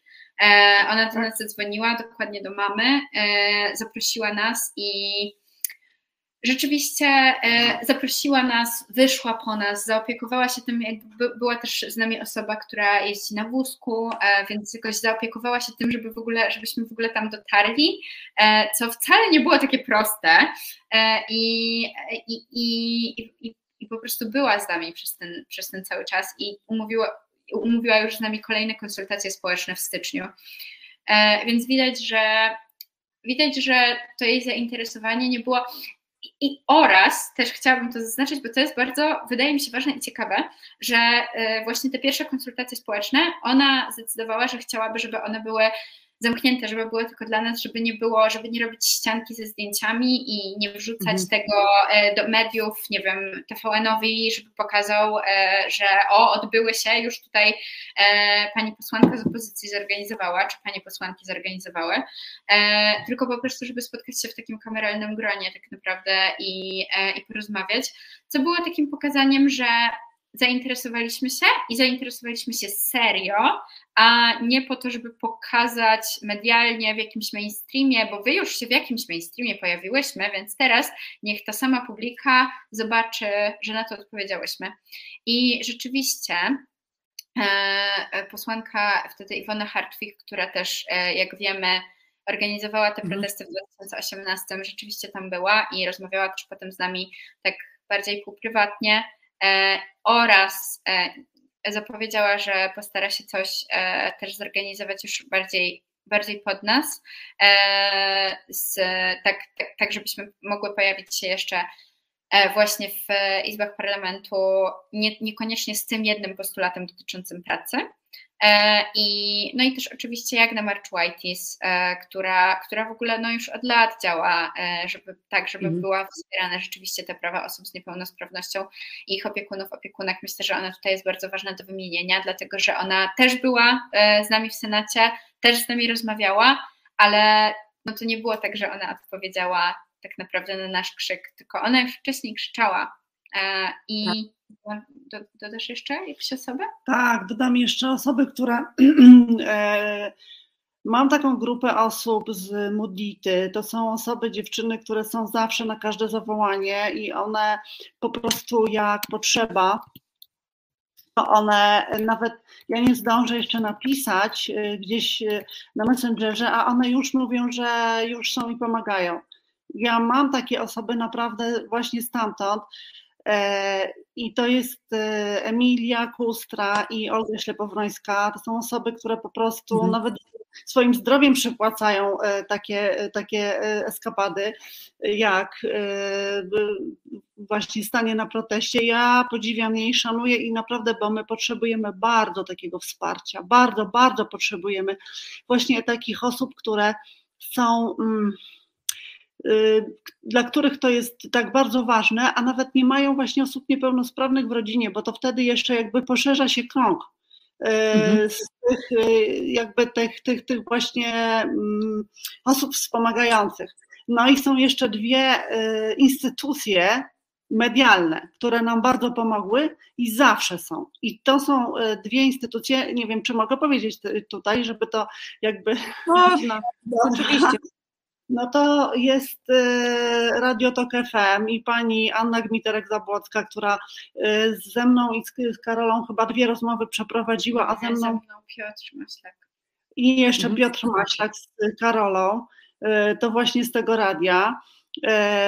Pani Anna Gmiterek-Zabłocka robiła ze mną już podcast wcześniej o zupie na granicę, więc mhm no to były chyba trzy rozmowy, jedna o zupie i dwie o proteście. I zawsze, kiedy piszę do pani Jani na y, Messenger, to wiem, że ona odpowie i na przykład odpowie, y, zajmę się tym. I zawsze się zajmuje, i zawsze tam jest. i ona na przykład przyjeżdża z Lublina na nasze protesty. Y, I tak Mhm. samo jest y, z TVN24. Y, To jest, ja mam po prostu, no, mam numer telefonu do wydawców programu y, jeden na jeden y, i do Mhm. osoby prowadzącej. I te osoby zawsze, ilekroć ja mówię, że jest gdzieś protest, albo że jest, bo był w Katowicach y, w piątek 25 listopada, oni tam wysłali ekipę telewizyjną. Przecież wcale nie musieli. Tak samo by wysłali do Poznania, z tego co przynajmniej mieli wysłać, no ale to już teraz w każdym razie to są takie media, które po prostu, no ja się nie wstydzę do nich napisać, a oni mi zawsze odpowiadają. No i e, wisienka na torcie, czyli oczywiście wysokie obcasy i Magdalena Karc-Adamczyk, która po prostu jest e, królową naszą i która spotkała się z nami e, w weekend, kiedy e, jakby nie, nie, nie pracuje, nie musi pracować w lodziarni w Warszawie i poświęciła nam ponad trzy godziny, nie wiem czy nawet nie podchodzi pod cztery, siedziała z nami i słuchała wszystkiego, co miałyśmy do powiedzenia. Jeszcze wtedy w ogóle to nawet nie miała być okładka, tylko po prostu wywiad, ale potem jakoś e, polubiła, znaczy polubiła, polubiła to jest dziwne słowo, tak em, poruszyła ją nasza historia i właśnie popchnęła ją dalej do tego, żeby to był e, taki wywiad, który, który też będzie okładkową historią. E, I rzeczywiście to myślę, że nam bardzo dużo dało e, takiej siły. Nam osobiście, jako jednostkom, ale też całemu ruchowi, dlatego że to bardzo buduje taką wiarygodność społeczną. Ja mam poczucie, że nam to bardzo zbudowało wiarygodność społeczną, że jeśli e, pojawiamy się na okładce takiego pisma jak Wysokie Obcasy, to rzeczywiście musi być w tym e, jakaś prawda, nie jakieś osoby, które szukają, szukają nie wiem, poklasku e, albo Mhm. pieniędzy, znaczy pieniędzy tak, ale za swoją pracę, więc jest to trochę co innego jednak. I, i co? Tak, a no i te osoby sz- sojusznicze rzeczywiście. Osoby sojusznicze, które z nami są, które zawsze są. E, Aneta, e, czyli baba od polskiego. O właśnie. E, Małgosia Szumowska, czyli warszawianka roku e, z tego roku, e, które właśnie zawsze są. E, Asia Adriańska oczywiście. I tak. I Agnieszka Jóźwicka, y, ona pisze, y, znaczy Agnieszka pisze artykuły o nas y, do, Monetu. tak, i, i nawet właśnie też teraz przed tym protestem będzie pisała o nas artykuł. Także no, no są takie osoby, no, bez których po prostu byłoby nam dużo, dużo trudniej, a ja te osoby naprawdę bardzo doceniam, bo no bo to są osoby takie wrażliwe po prostu, no, wrażliwe społecznie i wiem, że y, no po prostu one poświęcają swój prywatny czas na naszą sprawę. To, co tutaj się rysuje, e, proszę Państwa, z czego ja jakby, no, będąc też e, no, uczestnikiem tego me- medialnego świata sobie zdaję sprawę, e, jak widzicie, rysuje się taki obraz, że są tematy, którymi naprawdę interesuje się, naprawdę żywo się interesuje i które ciągnie w mediach garstka osób. I dlatego trzeba, po prostu trzeba absolutnie o tym mówić. E, Tutaj e, rozumiem ten moment zawahania, czy możemy jakby na antenie jednego medium powiedzieć o, o, innym, ale oczywiście, że możemy. My, to jest medium obywatelskie, my tu promujemy każdą, e, każdą obywatelską postawę i osobę, która coś robi, więc jak najbardziej. No mnie to osobiście jeszcze poruszyło bardzo, co pani, pani Kasiu powiedziała, że to są te osoby, do których nie wstydzę się napisać. Czyli to Mm. też jednak pokazuje, że, że są osoby, do których po prostu jednak wstydzi się pani napisać. Z czego, w sensie chodzi o to, że one, że pani pisze, one nie odpisują. Tak, tak. och, tak. tak, są No. takie osoby, znaczy ja, ja nie mam y, oporu, nie wstydzę się, bo po prostu walę, jak uważam, że ktoś ma jakieś duże zasięgi, to piszę i dobra, i, i już. Ale dużo osób, wiele z tych osób mi nie odpowiedziało. No po prostu no to, to trudno, no to Tak. przynajmniej wiemy na czym stoimy już, ale te osoby, o których ja powiedziałam i jeszcze na pewno jest ktoś, kto mi uciekł, umknął, umknęło mi, bo wiem już teraz, że chciałam powiedzieć, no przepraszam za to, że, a już wiem, właśnie osoby z zupy na granicę, to też chcę powiedzieć, bo to są osoby, które właśnie e, gotują zupy na granicę oraz pomagają przy protestach. To znaczy przychodzą na protesty i też y, są i po prostu również osoby ze szkoły mojego syna Nikodema, które Liceum Zuzanny Ginczanki, wspaniała szkoła. po prostu tam grono pedagogiczne oraz rodzice y, są obecni na, większo, na wszystkich protestach Na oni byli, po protestach. prostu. Y, I, y, I to się przeplata ze sobą, bo y, grupa Zupa na granicę ma dzieci w tej szkole. Te dzieci z tej szkoły gotują zupy dla uchodźców. Więc to tak działa, że gdzieś się zazębiamy, po prostu te kręgi się zazębiają.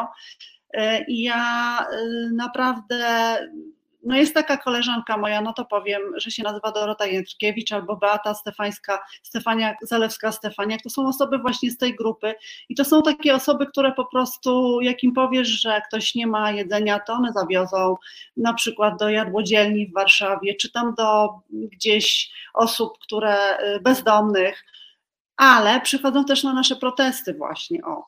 Tak, Mhm. Ale o, nie miałam coś w głowie. A wiem, że chciałam powiedzieć, że tak, absolutnie jest tak, że, że jest, że ja mam wstyd związany z tym, że i myślę, że to jest w ogóle trudność związana z tym, że walczy się o siebie. Że walczy się o swoją przyszłość, że walczy się o swoją sprawę. Że ja widzę to, jak dużo łatwiej było mi zapraszać, e, zapraszać jakieś osoby na wydarzenia związane właśnie z jakimś aktywizmem takim, który nie dotyczy mnie bezpośrednio, który Mhm. ma rzeczywistość, w której żyję, ale ja nie jestem jego grupą docelową. A w tym momencie przez to, że właśnie walczę o samą siebie, walczę o swoją, o swoje życie i o swoją przyszłość, to Tak. widzę to, jak, e, jak nie jestem w stanie, jak czasem w ogóle widzę, że oznaczam kogoś po raz kolejny i po raz kolejny widzę, że w tych wiadomościach się wyświetlają te oznaczenia, ale nie ma tego, nie ma tego odzewu, nie ma nawet tego zaserduszkowania i ja po prostu przestaję to robić wtedy, bo czuję, że bo to jest jedno kliknięcie, więc czuję, że wtedy to już naprawdę kogoś nie obchodzi. A czasem jest tak, że jakieś osoby na przykład nie mogły się pojawić na proteście, ale że rzeczywiście przynajmniej wrzucą tego storiska. E, na przykład Sylwia Chudnik jest taką osobą, że nie była jeszcze na, na, na naszych protestach, ale zawsze nas wrzuca i zawsze pisze, że powodzenia. I ja po Mhm. prostu e, mam takie ciepełko, jak sobie o niej myślę. I jeszcze muszę tutaj dorzucić, bo to jest wielka, wie, wielkie e, osoby, o których zapomniałyśmy, że dziewuchy dziewuchom, one po prostu zawsze nas wrzucają i robią o nas zawsze posty i były na protestach e, i mam do nich po prostu naprawdę taką wdzięczność i miłość z tym związaną, bo, bo są jednym z takich mediów, które mediów, tak, mediów, które ja Tak. podziwiam, które, w których jestem, e, jestem absolutnie wielbicielką tego, w jaki sposób, e, w jaki sposób pokazują w punkt to, o czym mówią, e, i to, że po prostu z ich strony jest ten zwrot, jest, jest bardzo wzruszająco. Tak. To jest, e, to jest, e, proszę Państwa, to, o czym ja mówiłam na początku, że wszyscy możemy coś zrobić, chociażby właśnie e, oszukując wspólnie razem te algorytmy, e, nadając ważnym treściom zasięgi. I apeluję o to, żeby tutaj jeszcze może w trakcie przerwy, e, na którą za chwileczkę Państwa zaproszę, puścić już te linki, te wywiady, te teksty, petycje e, w obieg. Macie Państwo mnóstwo rzeczy do, ustęp, do, do udostępnienia ważnych już w tej chwili na czacie, a ja jeszcze za chwileczkę z naszym Marcinem Dzielnym realizatorem Państwu dorzucimy co najmniej drugie tyle. To jest to, co wszyscy możemy zrobić. E, Oczywiście nie każdy z nas e, ma dostęp e, do tego, żeby puścić materiał w jakimś mainstreamowym medium. Naprawdę wielkie podziękowania i ode mnie jako osoby aktywistycznej dla tych osób, które faktycznie w mediach zajmują się rzeczami ważnymi, społecznie ważnymi, a no nie rozdrabniają się w to, kto jakie budki założył, choć no, być może i to jest komuś do życia potrzebne jakoś tam. E, Natomiast no naprawdę ceńmy te osoby, które robią rzeczy ważne, ważne rzeczy społecznie, e, są zawsze tam, gdzie powinny być. e, są na każdym proteście, e, są takimi sojuszniczkami naprawdę, jakich sprawa wymaga. Doceniajmy te osoby, promujmy takie postawy i róbmy swoje, chociażby udostępniając e, dzisiaj to, co najważniejsze. W, w sobotę 31 jest protest. Proszę Państwa, od Państwa dzisiejszej reakcji zależy, do ilu osób e, ta informacja o proteście jeszcze może trafić. Więc każdy z nas może udostępnić naprawdę jakiejś grupie swoich znajomych i puścić tą wiadomość w obieg. Róbmy to. E, zaproszę Państwa teraz na przerwę, bo chciałabym, żeby i nasze gościnie miały szansę nieco od a po przerwie będziemy rozmawiać o tym, e, jakie konkretnie postulaty wypracował protest, czego się od rządu Reset to nie tylko słowo mówione, ale również słowo pisane. Wejdź na resetobywatelski.pl i sprawdź, co piszą nasze autorki i autorzy. Wracamy po przerwie z programem To jest wojna, a dzisiaj moimi gościniami są Katarzyna i Karolina Koseckie i rozmawiamy o proteście opiekunów i opiekunek e, osób z niepełnosprawnościami. E, dla tych z Państwa, którzy dopiero w tym momencie do nas e, dołączają, taka propozycja, żeby odsłuchać tą pierwszą część na Spotify'u lub obejrzeć sobie klip e, na YouTubie. E, dzisiaj oczywiście live, ale potem e, klip z tej rozmowy pozostaje. Jeżeli wolicie podcasty, no to oczywiście polecamy, żeby tą rozmowę sobie później jeszcze udostępnić i odsłuchać ze Spotify'a właśnie. No i jak zwykle prośba o to, żeby poszerować wszystkie linki, które tutaj w czasie programu wrzucamy na czaty, bo to ważne sprawy, proszę Państwa, naprawdę ważne, ważne e, społecznie i e, dzisiaj też zależy nam bardzo na tym, żeby nagłośnić i podbić protest, który odbędzie się w sobotę 31 w Sylwestra. E, w Warszawie pod Pałacem e, Prezydenckim od godziny 18 do 20 taki rozbieg przed Sylwestrem. E, w social mediach Karolina, zdaje się, to ty napisałaś, że można sobie potuptać przed, przed tą główną imprezą sylwestrową. Mama! O, czyli Kasia tutaj napisała. Ja napisałam, ja napisałam te całe ogłoszenie, a potem mama napisała o tym tuptaniu i stwierdziłam, że to musi zostać. Nie ma opcji. Tak, ja Nie, no to musi zostać, bo to faktycznie fantastyczne jest. Mhm że wytupiemy ten, e, po prostu te swoje hasła.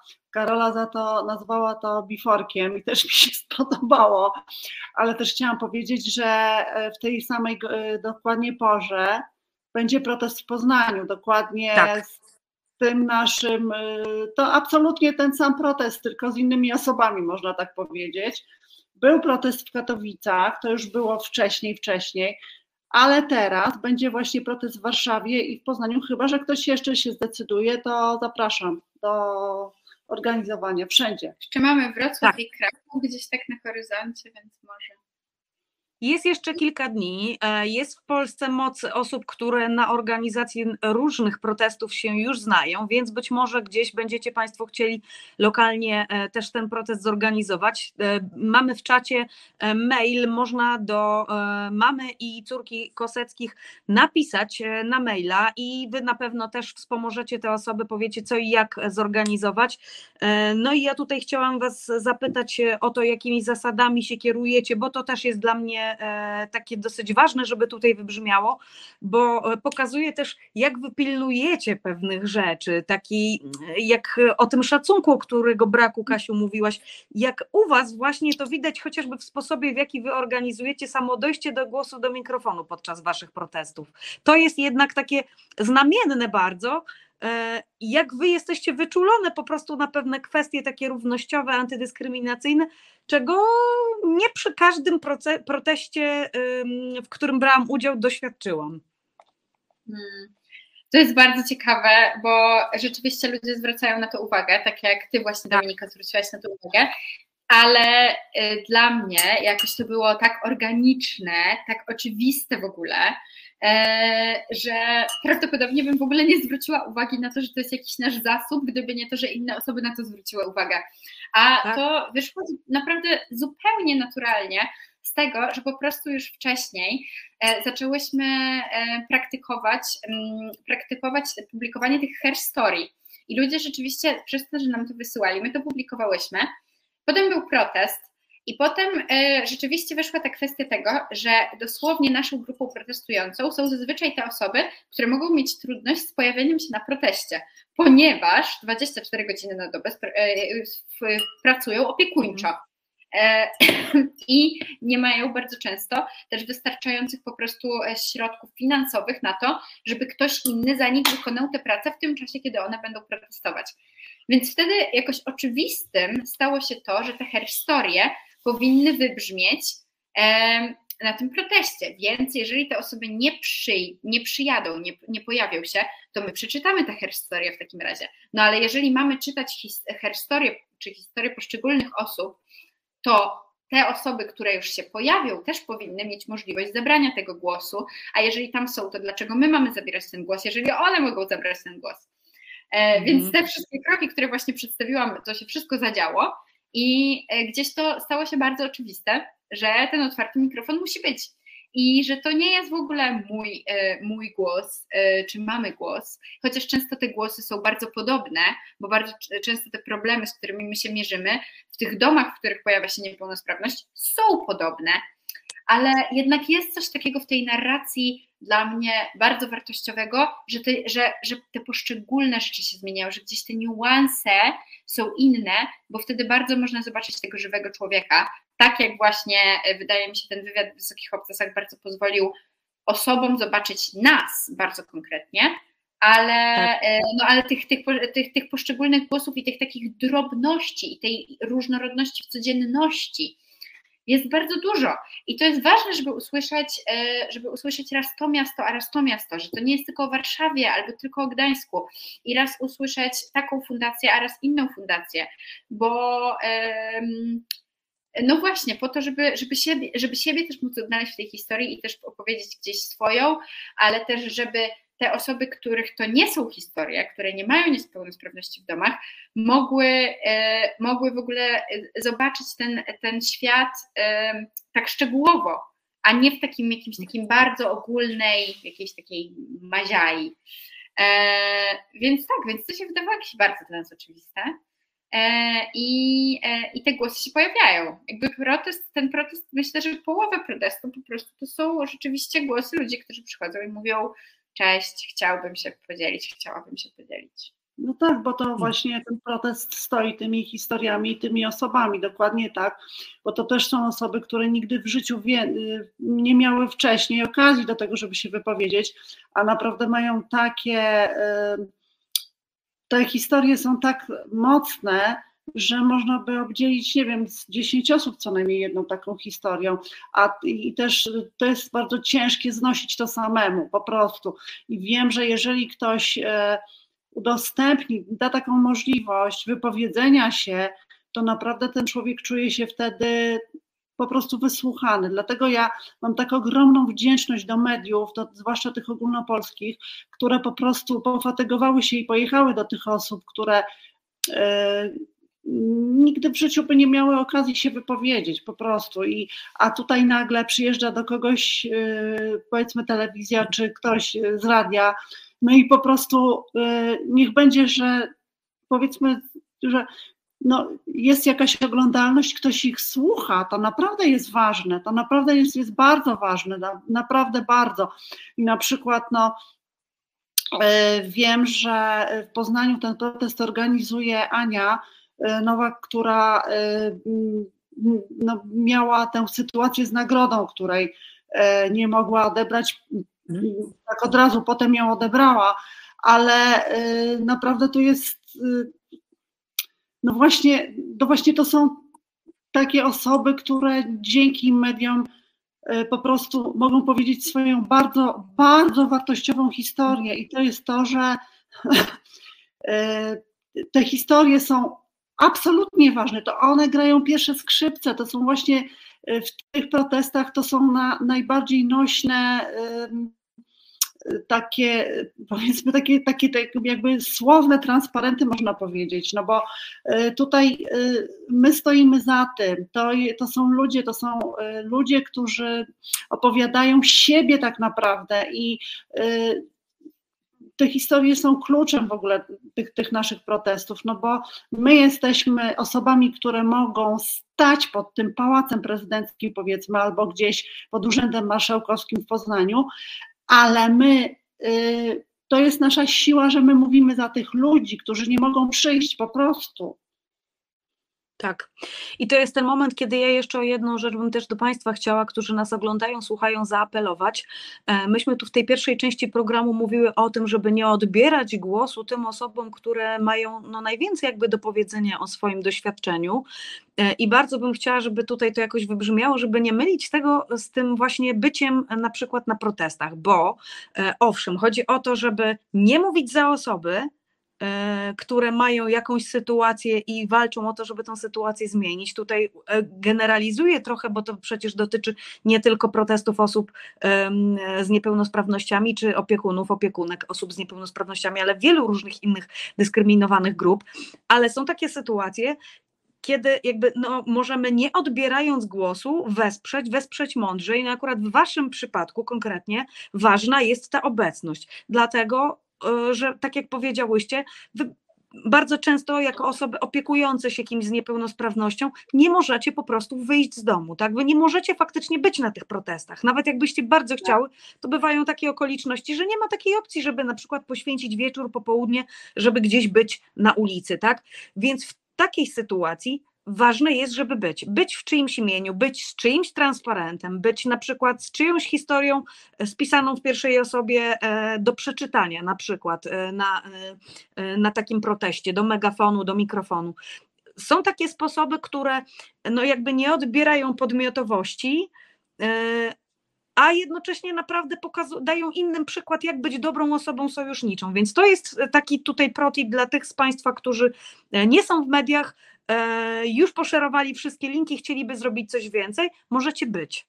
Jeżeli nie macie takiej sytuacji, że, e, że no po prostu musicie być w domu, macie ten czas do dyspozycji, bądźcie, bo e, też trzeba niestety o tym powiedzieć że bardzo dużo u nas, jeśli chodzi o skuteczność pewnych protestów i dostawania się informacji do mediów, bardzo dużo zależy od tej liczebności, niestety, tak?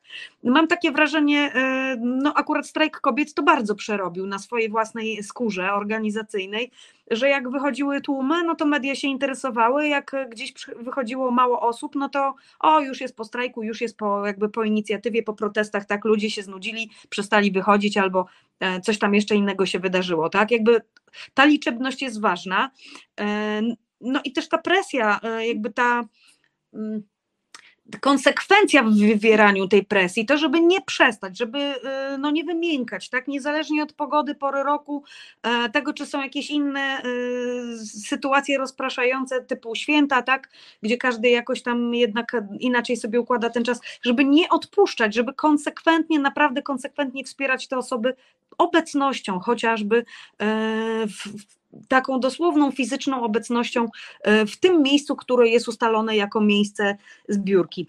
Ja jeszcze teraz panią, e, pani Kasiu chciałam poprosić o to, żeby e, tutaj zrobić taki może mały programowy kącik nienachalnej edukacji, bo skoro no, w pierwszej części dosyć wyraźnie programu to wybrzmiało, że mm, no niska jest jeszcze w Polsce ta świadomość tego, z czym opiekunowie, opiekunki osób z niepełnosprawnościami i same osoby z niepełnosprawnościami się borykają na co dzień, no to my tutaj możemy to teraz czarno na białym, kawa na ławę, prosto, e, autentycznie, szczerze od serca wypunktować. Takie największe bolączki, jakbyście miały podsumować hasłami, dostęp do lekarzy, zakaz właśnie wykonywania pracy przy pobieraniu świadczenia ten wasz taki top, top five powiedzmy, te, te takie pięć największych, żeby to do wszystkich dzisiaj dotarło? To jest w zasadzie y, wszystko opisane w naszych postulatach. Ich jest 15. Mhm. Tam na naszym e, Facebooku, one są nawet w dwóch wersjach opisane przez babę od polskiego, która świetną mhm. robotę zrobiła. E, I e, pierwszy postulat to jest ten, żeby można było pracować przy pobieraniu świadczenia pielęgnacyjnego, no bo e, jak jest możliwe płacenie za rehabilitację dziecka, która kosztuje, uwaga, 500 zł, rehabilitacja neurologiczna, za, którą trzeba przy osobach neurologicznie niepełnosprawnych wykonywać codziennie, kiedy ma się do dyspozycji 2119 zł. To Albo ja, 620. Albo 620, bo jeszcze są też takie osoby, które tyle otrzymują. Ja nie wiem, to jest chyba w granicach, w kategoriach cudu po prostu jakiegoś. No to y, te osoby muszą, to są, to, ale to jest w ogóle absolutnie podstawa, że y, y, ludzie muszą po prostu pracować. To jest chyba konstytucyjne prawo i nie wyobrażam sobie tego, żeby dalej w, w moim kraju ktoś mi zakazywał tej pracy. No po prostu to jest skandal. To jest pierwsza rzecz i pierwszy nasz postulat, ale ich jest 15 i proszę sobie wyobrazić, że w tych postulatach jest na przykład taki, który, y, gdzie jest pułapka rentowa. Jeżeli ktoś jest nie- niepełnosprawny y, i y, otrzymuje rentę, to nie może zarobić, ale może pracować, to nie może zarobić powyżej jakiegoś pułapu. No bo co? No bo jak? No dlaczego? Bo co? Bo nagle Mhm. będzie, nie wiem co, za bogaty, komuś się krzywda stanie, że on zarobi, no nie wiem, powiedzmy, no niech będzie, teraz tutaj hipotetycznie podaję kwotę, zamiast 2,5 tysiąca zarobi 4? No nie rozumiem tego w ogóle, no po prostu dla mnie to jest jakieś w ogóle Mhm. nieporozumienie. Dalej, kolejne, kolejna sytuacja to jest to, że osoby z autyzmem, w ogóle jest taka też y, historia, że wśród y, osób opiekujących się osobami niepełnosprawnymi jest jakaś taka rywalizacja, e, która polega na tym, że jedne niepełnosprawności są e, powiedzmy bardziej uprzywilejowane w czyimś mniemaniu, a inne mniej. Ja teraz mówię tutaj z pełną świadomością, że ja mam dwóch synów z, z autyzmem, ale dla mnie każda niepełnosprawność jest równa dokładnie. I teraz, żeby mm, tak jakby wyjaśnić o co chodzi, to niektóre niepełnosprawności właśnie z tego tytułu, że są bardzo różne i, i osoby niepełnosprawne są różne, wymagają szczególnego traktowania innego. Na przykład osoby, na przykład ubiegamy się o to, żeby powstawały toalety, e, które są e, zwane komfortkami dla osób, które są niepełnosprawne ruchowo, żeby można było tym osobom zmieniać pampersy na przykład na mieście. E, Mhm. I to jest absolutnie podstawa w cywilizowanym kraju, bo ja nie wyobrażam sobie, kto to w ogóle słyszał, żeby rozkładać e, gdzieś w jakimś publicznym miejscu koce czy ręczniki i kłaść taką osobę, e, zdejmować ją z wózka, taka osoba waży powiedzmy, że z 90 kilo i co, teraz e, kładzie się taką osobę na podłodze, a to się tak odbywa teraz, po prostu, Mhm. bo Tak. bo u nas, no nie wiem, jak to jest możliwe, ale no, w budynkach użyteczności publicznej nie ma toalet, które są przystosowane do przewijania osób niepełnosprawnych. No, no nie wiem, co, jak to w ogóle jest możliwe. Albo jeszcze sytuacja, która się zdarzyła e, na projekcji filmu Siubuk. Moja koleżanka, która przyjechała na wózku, nie mogła tego filmu obejrzeć, bo nie było dostępności po prostu. No, Tak. a, no, absurd no, totalny. Mhm. No absurd totalny, zwłaszcza, że była zaproszona. No, jakby tutaj e, wszyscy się wytłumaczyli, oczywiście e, jakby ta, ta sytuacja nie jest, e, nie jest to, to wina jakby osób, które zapraszały, bo bo, bo miały informację, że ta dostępność jest. Ona była w takiej formie zorganizowana, że no nie, nie można było z niej skorzystać po prostu. No. Albo no, no są takie absurdy, że na przykład osoby, które biorą dzieci y, do rodzin zastępczych, nie wszystkie rodziny zastępcze mogą pobierać świadczenie pielęgnacyjne, y, które y, kiedy się przyjmuje dziecko niepełnosprawne do do rodziny. Więc ja nie wiem, no, jakby dlaczego się różnicuje te rodziny nagle, z jakiego tytułu po prostu. No i to jest setki takich sytuacji. Na przykład nie ma, e, dawno wypracowano mm, standardy, które mm, które są potrzebne do tego, żeby y, osoby niepełnosprawne miały zapewnione życie y, po śmierci rodziców, czyli takie domy, y, y, domy opieki, tak jakby, tak, czy domy, mieszkalnictwo wspomagane. Y, Nie ma tego, te programy leżą, one gotowe, y, wypracowane siłami społecznymi, trzech grup, które ja znam, rodziców, którzy po prostu wywalczyli te, te domy y, na w fazie projektów i one są, i, i, te, i te, te projekty są opracowane. Y, one sobie spokojnie leżą e, w szufladach decydentów i nie wiem na co czekają, chyba po prostu na to, aż ci ludzie umrą, bo i wtedy się problem sam rozwiąże.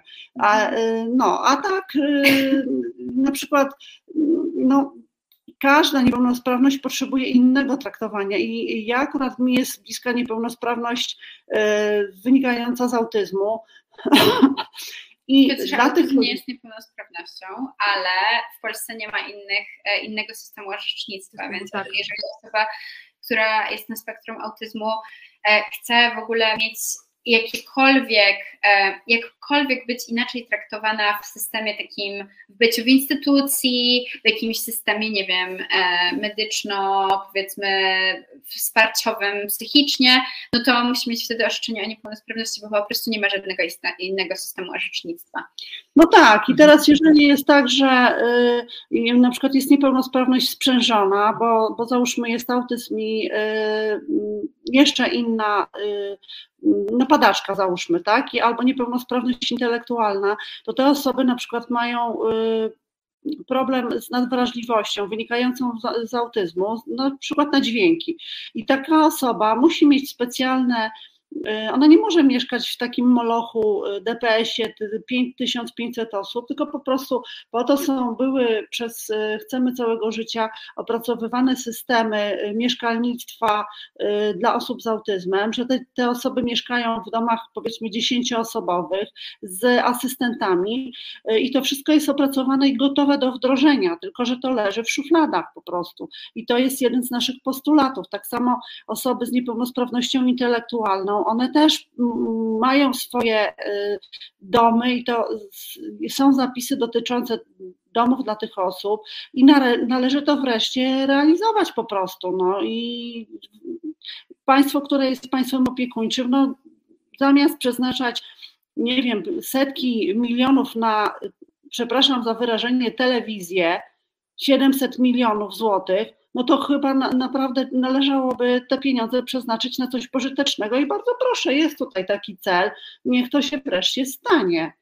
Ja, ja, ja myślę, że mama prawdopodobnie wyczerpała już to top 5 najgorszych rzeczy, ale jeszcze jedną, którą chciałam dorzucić, e, e, jako nie wiem, może szóstą powiedzmy, e, chociaż z mojej perspektywy chyba powinna być w top 5, to jest to, że e, w przede wszystkim w systemie edukacji, takiej, takiej zwykłej, publicznej edukacji w programie, w, nie wiem, w pro, podstawie programowej albo na godzinie wychowawczej, w ogóle nie rozmawia się o tym, że ludzie są różni i że są ludzie z niepełnosprawnościami i że są e, osoby neuroatypowe. Dlatego, że tak. to jest tak, że jak taka osoba się pojawia w szkole, to nagle jest taki e, taki, no po angielsku się mówi, że jest słoń w pokoju, nie wiem, czy tak się mówi po polsku też, no ale że jest tak. taki, wszyscy wiedzą, ale nikt nie mówi e, i w mhm. końcu mhm. jak się coś stanie, jak się jakieś dziecko, jak jakieś dziecko, nie wiem, wyśmieje, bardzo często to jest związane z jakimś wyśmia z wyśmianiem, przedrzeźnianiem, albo jak pojawi się jakaś sytuacja taka związana z jakąś kłótnią, między z jakąś agresją, wtedy rzeczywiście się to rysuje. Ale dopóki to się nie stanie, to to jest zazwyczaj nie bardzo zaadresowane. I teraz jakby nie chcę, nie chcę też tego wrzucić tak na nauczycieli, dlatego że są poszczególni nauczyciele, jakby są jednostki, które rzeczywiście to robią. I tak jak podawałyśmy przykład osób na przykład ze szkoły Nikodema, które przychodzą na protesty, które naprawdę, naprawdę starają się w ogóle o tej różnorodności w szkole mówić. I są takie jednostki, ale właśnie nie chodzi mi teraz o jednostki, tylko chodzi mi o system, którego nie ma. Jakby nie ma systemu, e, nie ma mhm. programu, który byłby realnie włączeniowy, który jeżeli na przykład w szkole nie pojawi się dziecko, które jest neuroatypowe albo które ma niepełnosprawność, to w ogóle to nie zostanie zaadresowane. I potem takie dziecko wychodzi z tej szkoły i na przykład powiedzmy nie wiem, zaczyna powiedzmy pracować, e, już nie jest dzieckiem, zaczyna pracować i nagle taka osoba się pojawia i w ogóle nie, nie ma narzędzi, nie mamy narzędzi, nie wiemy czy jak pytać, jak rozmawiać, jak w ogóle jak się odnosić. Na przykład, nie wiem, takie proste, głupie rzeczy, czy na przykład zapytanie, czy można komuś pomóc, jest, obrażal, jest e, obraźliwe, bo ta osoba może pomyśleć, że ma jakieś, że e, ma, ma jakieś super wielkie potrzeby, czy może jest super, bo jest wsparciowe. I nie rozmawiamy o tym, a to są tak proste pytania i osoby, które są samorzecznicze, naprawdę mogłyby się spokojnie wypowiedzieć na ten temat. Ale nie, tak. zapraszamy aktorów, aktorki e, do szkół, e, jakieś celebrytki, żeby opowiedziały o swoich życiach i swoich karierach, co też jest w ogóle super. I też to dalej róbmy, tylko może jakiś balans w tym wszystkim by się przydał.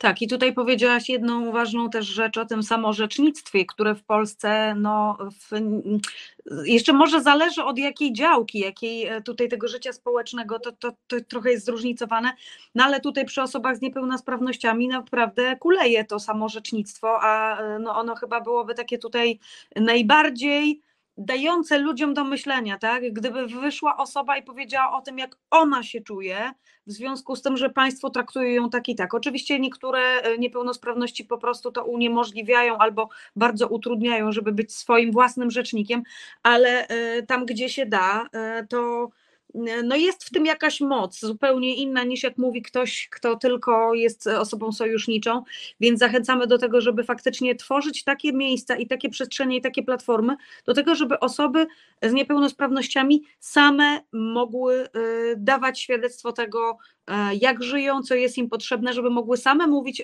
i same walczyć o swój interes. E, samorzecznictwo, e, jedno z takich słów, które są jeszcze bardzo w Polsce, mam wrażenie, e, za mało w obiegu, więc to mm. też jest do Państwa taka, do Państwa taka sugestia, którzy nas oglądają, słuchają, żeby to słowo do języka polskiego jakby może nie wprowadzić, ale żeby je bardziej upowszechnić po prostu, bo za tym słowem kryje się naprawdę ważna rzecz i kryje się też za tym wielka moc, uważam. E, wielka moc jest w samorzecznictwie. Super, że o tym powiedziałaś, jak gdzieś to tutaj mam, nawet muszę Ci powiedzieć w hasłach do tej, do tej rozmowy, ale wiedziałam, wiedziałam, że po prostu to wyjdzie gdzieś, e, gdzieś samo. E, proszę Państwa, na czacie sporo, sporo różnych Państwa komentarzy. E, są też już te wszystkie linki, które Państwu w trakcie gdzieś zapowiadałam, że się pojawią. Naprawdę czytajcie o, e, czytajcie o protestach, czytajcie o e, postulatach. Ja mam wrażenie, że tutaj takimi prostymi jakimiś przykładami życiowymi najlepiej trafiamy. Ja przykując się do programu kilka dni temu zauważyłam takie chociażby rzeczy, które mam wrażenie naprawdę są jakoś mało znane, takie fakty, które naprawdę nie są uświadomione przez podejrzewam większość osób, które gdzieś tam e, o niepełnosprawności z własnego doświadczenia e, nie wiedzą. E, chociażby to, że osoby, które są na tym e, świadczeniu pielęgnacyjnym, nie mają prawa do zasiłku pogrzebowego, są chowane na, kształt, e, na koszt podatników, albo że osoby, które pobierają to świadczenie pielęgnacyjne, nie dostaną kredytu bankowego, bo to świadczenie nie jest przez banki traktowane jako dochód. To są takie rzeczy, które wy popularyzujecie, które stanowią jakiś tam pretekst do tego, żeby potem w komentarzach wywiązała się dyskusja. Ja sobie kilka takich dyskusji e, na różnych forach e, przejrzałam i powiem szczerze, rozłożyło mnie to na łopatki, jak zobaczyłam, jaka jest skala niewiedzy na ten temat. Sugestie na przykład w momencie, kiedy piszemy o proteście 2119 i poruszamy temat pieniędzy, temat kasy, no i ludzie piszą na przykład, no mało, faktycznie skandalicznie mało, za mało, żeby wyżyć, ale przecież ludzie mają mniej. Albo no mało, ale przecież mogą sobie dorobić. No przecież o to właśnie idzie, że nie można dorobić, tak? To pokazuje, że kompletnie naprawdę ludzie po prostu nie wiedzą, e, jak to wygląda od strony prawnej, jak to wygląda od strony takiej typowo, typowo, nie wiem, w urzędach do załatwienia takie rzeczy. No nie wiedzą kompletnie organizacyjnie, ani finansowo, ani prawnie, jak to wygląda. No i to jest ten moment, żeby o tej kasie właśnie powiedzieć, bo e, zapytała mi chociażby koleżanka, która wydawało mi się, że e, no, jakby powinna się orientować. Zapytała mnie, ty, ale weź mi wytłumacz, o co chodzi z 620, a tutaj 2119, co, czym się różnią te kwoty, w ogóle skąd się wzięły, dlaczego jedni mają taki hashtag, na przykład na zdjęciach gdzieś tam na, na, na akcji w e, socjalach, a inni mają taki hashtag, czy to jest to samo, czy to są zupełnie jakieś dwa różne protesty. Nagle się okazuje, że te, nawet te, wiecie, te liczby niewiele ludziom mówią po prostu. Jeżeli oni nie mają takiego doświadczenia, że te liczby mają dla nich ciężar gatunkowy ma, i niesie się za nimi jakieś znaczenie, e, no to po prostu kompletnie tego nie, nie, nie rozróżniają, nie wiedzą skąd to się w ogóle wzięło. No wzięło się właśnie stąd, że jeżeli ktoś na niepełnosprawność e, od urodzenia ma niepełnosprawność, to osoba, która się zajmuje tym człowiekiem, może pobierać świadczenie pielęgnacyjne w wysokości 2119 zł. A jeżeli e, osoba nabyła niepełnosprawność po 18 roku życia, to wówczas jej opiekun ma prawo do zasiłku w wysokości 620 zł i nie może dorobić do tego. Tak. Tak. Yy, tak, ale wydaje mi się, że też ty Dominiko w tym, co mówisz, po prostu poruszasz też kwestię tego, że, yy, że nie ma, że, że, te tematy nie wychodzą spoza tej bańki naszej, yy, nie wychodzą spoza tak. i, i jakby to jest to jest dokładnie powód, dla którego my chciałyśmy zrobić ten protest w tym, a nie w innym momencie, bo miałyśmy wrażenie, że dzięki, te, dzięki temu, co napisała Szpila, dzięki jej artykułowi w mhm. krytyce mhm. politycznej, nagle e, ludzie e, zaczęli, nagle to wyszło poza bańkę. Nagle ludzie, którzy na co dzień nie mają, gdyby im powiedzieć e, te, te, liczby właśnie, to 2119 czy 620, to mieliby e, albo nie mieliby żadnych skojarzeń, albo mieliby zupełnie inne skojarzenia, mhm kwoty mhm. zasiłku czy świadczenia. E, I, I dlatego ten proces dzieje się dokładnie teraz, bo e, te liczby zaczynają mieć znaczenie i bo e, te hasztagi zaczynają mieć jakieś znaczenie. I wyjście po prostu, my, dla nas to jest oczywiste, dla nas to jest absolutnie oczywiste i te rozmowy po prostu bez przerwy się dzieją w, na, w naszym domu, ale w naszych domach, w domach tej społeczności osób z niepełnosprawnościami i ich opiekunów, opiekunek, rodzin. A, e, a, a ten moment po prostu, że nagle ktoś się zainteresował, co ten hashtag może znaczyć, czy ja może nie chciałbym sobie zrobić zdjęcia i wrzucić do internetu z tym konkretnym hashtagiem, jest, e, jest wydaje mi się w ogóle przełomowy dla nas e, jakoś społecznie. Jeżeli, jeżeli to nie zniknie za jakąś mgłą, to myślę, że jest przełomowy. Mm. Na pewno nie na taką skalę, na jaką był strajk kobiet, ale wydaje mi się, że jakby jeżeli chodzi o to takie o ten mechanizm zainteresowania się osób, tak. do tej pory miały wrażenie, że ich to w ogóle nie dotyczy i nagle mają takie, a może jednak w jakimś wymiarze tak, to właśnie na mniejszą skalę, ale podobny, podobny tutaj taki tik się zadział od momentu, kiedy Szpila napisała artykuł i potem zaczął się dziać protest.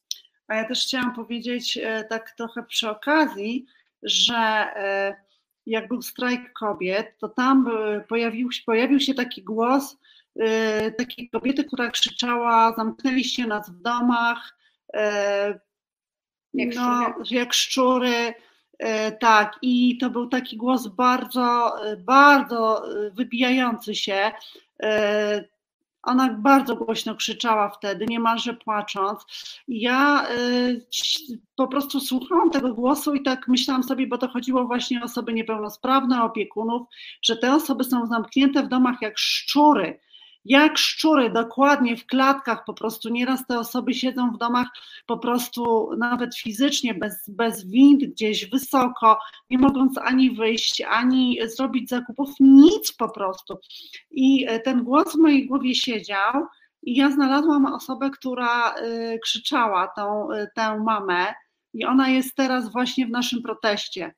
Ona właśnie teraz robi e, protesty w Katowicach i ja powiem szczerze, że jestem mi bardzo wdzięczna za to, że ona uruchomiła w mojej głowie takie myślenie, że ktoś ma tak samo jak ja.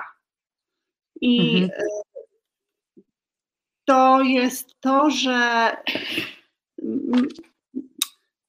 po prostu trzeba takiej odwagi czasami swojej własnej po to, żeby też uruchomić innych ludzi. Nawet jeżeli to trwa dwa lata, w mojej głowie to dwa lata trwało, aż ją w końcu znalazłam. Było ciężko, ale ją znalazłam. i po prostu no my się nie pozwolimy więcej krzywdzić, no już, już, już nie, już dosyć. I, i te głosy muszą wybrzmieć razem i dlatego nie trzeba się bać, trzeba po prostu mówić dokładnie to, co się czuje właśnie w takich gdzie człowiek myśli, że a wstydzę się, bo może nie powiem, bo coś, bo to jest y, moja prywatna sprawa. Nie, właśnie nie. właśnie o to chodzi, że y, jak się ktoś odważy, to może drugiej osobie y, po prostu uratować życie? Może? Może tak. Bardzo dziękuję Ci za to, że o tym powiedziałaś, w, bo to ja nie znałam tej historii, faktycznie nie dotarłam do tego. E, I to pokazuje też jedną rzecz, jakby no, te postulaty, które w 2020 roku strajk zebrał e, z ulicy, to, to były te postulaty, które szły od ludzi i tam zajęcie się, uregulowanie prawne e, sytuacji osób z niepełnosprawnościami, także opiekunów i opiekunek faktycznie wybrzmiało. Przecież powstał też zespół e, w, jakby w łonie Rady Konsultacyjnej przy OSK, który się zajmował wypracowaniem właśnie postulatów do władz. E, no to pokazuje, jak intersekcjonalne jest po prostu to polskie życie e, aktywistyczne, społeczne. Nie da się po prostu walczyć tylko o prawa kobiet albo tylko o prawa społeczności LGBT, czy tylko o prawa, jakby, nie wiem, osób e, uchodźczych w Polsce, nie, nie, nie współpracując ze sobą. Wszystkie te grupy dyskryminowane, wszystkie te grupy, które mają zablokowane i odebrane prawa, muszą, muszą jakoś się wzajemnie wspierać, bo w ten sposób ich głos jest bardziej słyszalny. Ja jeszcze o jedną rzecz chciałam e, tutaj podpytać, a w zasadzie sprawić, nakłonić, żebyście o tym coś powiedziały, bo e, nie używa się naprawdę w takim polskim mainstreamie medialnym jeszcze tego określenia o przemocy ekonomicznej w odniesieniu właśnie do tego, co spotyka osoby z, mm, o, osoby opiekujące się osobami z niepełnosprawnościami. Nazwijmy to po imieniu. To jest przemoc ekonomiczna. Sprawianie, że ktoś nie może pracować, nie może dorobić, nie może w, taki normalny, naturalny e, sposób poprawić swojej sytuacji ekonomicznej, zarobić na te wszystkie rzeczy, które są potrzebne, to jest e, odbieranie ludziom tego, co mają zapisane w Konstytucji, tych praw, które mają zapisane, zagwarantowane w Konstytucji. To nie jest tak, e, że wyjdziecie po jakieś przywileje, po coś dodatkowego, po coś więcej niż mają inne osoby. Wyjdziecie po prostu po to, żeby wam oddano i przywrócono to, co wam się po prostu należy jako opiekunkom osób z niepełnosprawnościami. Ja tego kryterium gdzieś górnego faktycznie też nie rozumiem, ale mam wrażenie, że to się trochę wiąże z taką obrzydliwą, nazwę to wprost, obrzydliwą dla mnie osobiście sytuacją, kiedy na przykład e, no jest e, powiedzmy rodzina z jakąś osobą z niepełnosprawnością, no to dobrze, no to tam paczkę im zrobimy, no to jakieś tam powinni mieć, e, jakieś rzeczy powinni mieć zagwarantowane, ta rodzina powinna mieć zagwarantowane, ale już na przykład jak zbieramy dla kogoś pieniądze i, i, i nie wiem, mama, która się opiekuje na co dzień osobą, przy której się musi schylać, pójdzie sobie na masaż, to już jest luksus, to w ogóle już jest coś niehalo. To jest i jest coś takiego u nas w Polsce, prawda, że się limituje po prostu, um, jak to nazwać, limituje się to, co te osoby powinny mieć dostępne, a czego, co nie powinny mieć dostępne w czyjejś ocenie, kto nie jest w tej sytuacji w ogóle, główną za przeproszeniem wie o tej sytuacji, tak? Czyli mhm. e, no jeszcze jak się mówi na przykład o terapii, że, że, że wam powinna po prostu się powinniście mieć na przykład zagwarantowaną bezpłatną terapię, e, bo jesteście w obciążeniu tak na co dzień i tak dalej, no to to jeszcze są ludzie w stanie zrozumieć, ale na przykład żeby nie wiem, e, dać wam, dać wam, nie wiem, e, nie wiem, brakuje mi jakiegoś dobrego przykładu. No nie wiem, na przykład bilet do spa gdzieś tam, tak? Weekend w spa, no to już nie, prawda? To jest, to jest jakieś straszliwe, w ogóle nie wiem z czego to się bierze, ale mam wrażenie, że to jest właśnie to samo, co takie ustawianie tego górnego limitu dochodu, tak? To jest po to, żeby tych ludzi zamknąć, żeby oni gdzieś tam byli właśnie w tych domach yy, i nie wychodzili na zewnątrz, nie, nie wiem, po prostu tak. nie było ich widać. Mi się wydaje, że tutaj ogromnym problemem jest to, że w ogóle i w prawie, e, i jako społeczeństwo nie nazywamy w ogóle tego, że praca, którą wykonujemy, to jest praca opiekuńcza. opiekuńcza. Bo gdyby było tak, że to byłoby nazywane pracą opiekuńczą, to nieważne, jaka byłaby sytuacja rodziny, czy ktoś by zarabiał 2000, czy 20, czy 100 tysięcy, czy ktoś miałby dom, czy mieszkanie, czy ktoś miałby mieszkanie komunalne, czy miałby zwierzęta, jakby nieważne, to i tak wykonywałby tę pracę opiekuńczą. Więc i tak ten, to wsparcie państwa zawsze by mu się należało, niezależnie od tego, jaką w ogóle ma sytuację, bo tak czy inaczej wykonuje mhm. pracę. Że przez to, że i w polskim prawie, i w świadomości społecznej to jest, nie, nie jest uznawane za pracę, tylko to jest uznawane za obowiązek, no niestety zazwyczaj matki, że ona musi z tym dzieciakiem, to no to właśnie tworzymy te limity, dokładnie o których ty mówisz, że spa to już jest przesada, że, e, że, dwa, mhm. że dodatkowe 2000 to jest wystarczająco i tak dalej, i tak dalej. I e, już nie będę mówić, bo już jest 23, nie wiem, czy to jest coś dodać. Pewnie ja mogłybyśmy tak naprawdę trzecią godzinę jeszcze, nie? Ale spokojnie, minutkę, dwie jeszcze mamy czasu antenowego, więc jeżeli jeszcze coś Kasiu ważnego, to proszę jak najbardziej. Chciałam tylko powiedzieć, że spotkałam się z taką sytuacją, że ludzie donoszą na osoby, które y, dorabiają na czarno, y, bo im nie starcza tych pieniędzy, po prostu nie starcza ich te 2119 i dorabiają, bo, bo ratują swoje dzieciaki, rodziny, dorabiają na czarno, robiąc jakieś rzeczy, nie wiem, w nocy, jakieś swetry i potem sprzedają to gdzieś w internecie i po prostu ludzie donoszą na, na te osoby, powodując to, że y, te osoby tracą świadczenie. I y, dla mnie to jest y, coś obrzydliwego, jak również komentowanie na przykład w mediach społecznościowych, że a ta to zbiera na 1%, a ma taki dom i w ogóle to ona zbiera i oszukuje podatników, to myślę sobie, ja nie wiem skąd się wzięły takie głosy. Podejrzewam, że nikt samodzielnie tego nie robi, tylko jakby hmm, te osoby są y, w jakimś. One są podejrzewam, że one są opłacane po prostu tak, e, po tak. to, żeby takie opinie rozsyłać. Natomiast e, moja koleżanka zadała słuszne pytanie, czy na przykład e, jeżeli krytykujesz taką osobę, to rozumiem, że jutro pójdziesz i będziesz jej pomagał, bo po prostu poznasz jej sytuację i zobaczysz jak to wygląda. Skoro tak jest, jak mówisz, krytykujesz, to, może po prostu jej pójdziesz i pomożesz. I ja sobie myślę tak, że nikt nikt w życiu nie chciałby się z nami zamienić ani z naszymi podopiecznymi. Y, I tutaj nie chodzi o to, żeby y, donosić na kogoś, tylko chodzi o to, żeby wszyscy równo stanęli z nami razem i spowodowali to, żebyśmy my nie musieli dorabiać na czarno, po prostu. Tak, tak. To jest trochę ten kawałek o przywracaniu godności.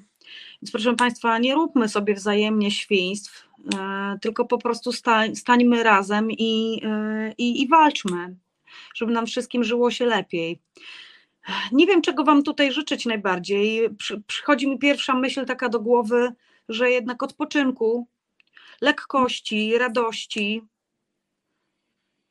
wszystkiego potrzebnego naprawdę w tym nowym roku i, i, i, i chyba Wam, jako osobom, które organizują protesty, skuteczności. Cholernie naprawdę Wam życzę z całego serca ogromnej takiej skuteczności, sprawczości E, I, I pamiętajmy, że nawet jak nie uda się od razu wszystkiego wywalczyć, to już robimy tą zmianę i ruszamy ten mental, i to jest też może mniej wymierne niż jakieś konkretne, nie wiem, e, zmiana w, w legislacyjna, tak, jakaś zmiana w przepisach, która jest gdzieś zapisana, można to przeczytać, ale no pewnie ktoś za chwilę zmierzy jakieś słupki poparcia i mam nadzieję, że one skoczą tak naprawdę, poszybują w górę. E, bardzo, bardzo, bardzo dziękuję Wam za ten czas dzisiaj wieczorem. Wiem, że to są godziny wyrwane, naprawdę takie z tego Waszego właśnie codziennego życia. Nie, tak, naprawdę dziękujemy, bardzo, dziękujemy, dziękujemy bardzo. Do zobaczenia, słuchajcie, mam nadzieję, że jeszcze kiedyś przyjdziecie, bo temat na pewno niewyczerpany. E, do zobaczenia gdzieś na żywo na proteście. E, mam nadzieję, że Państwo, którzy nas tutaj widzą, oglądają, będą z Wami w Sylwestra, czy to w Poznaniu, czy to, czy to w Warszawie. E, puszczajcie linki. Dziękuję serdecznie i e, do zobaczenia. Dobrej nocy. Dziękujemy. Dobrej nocy.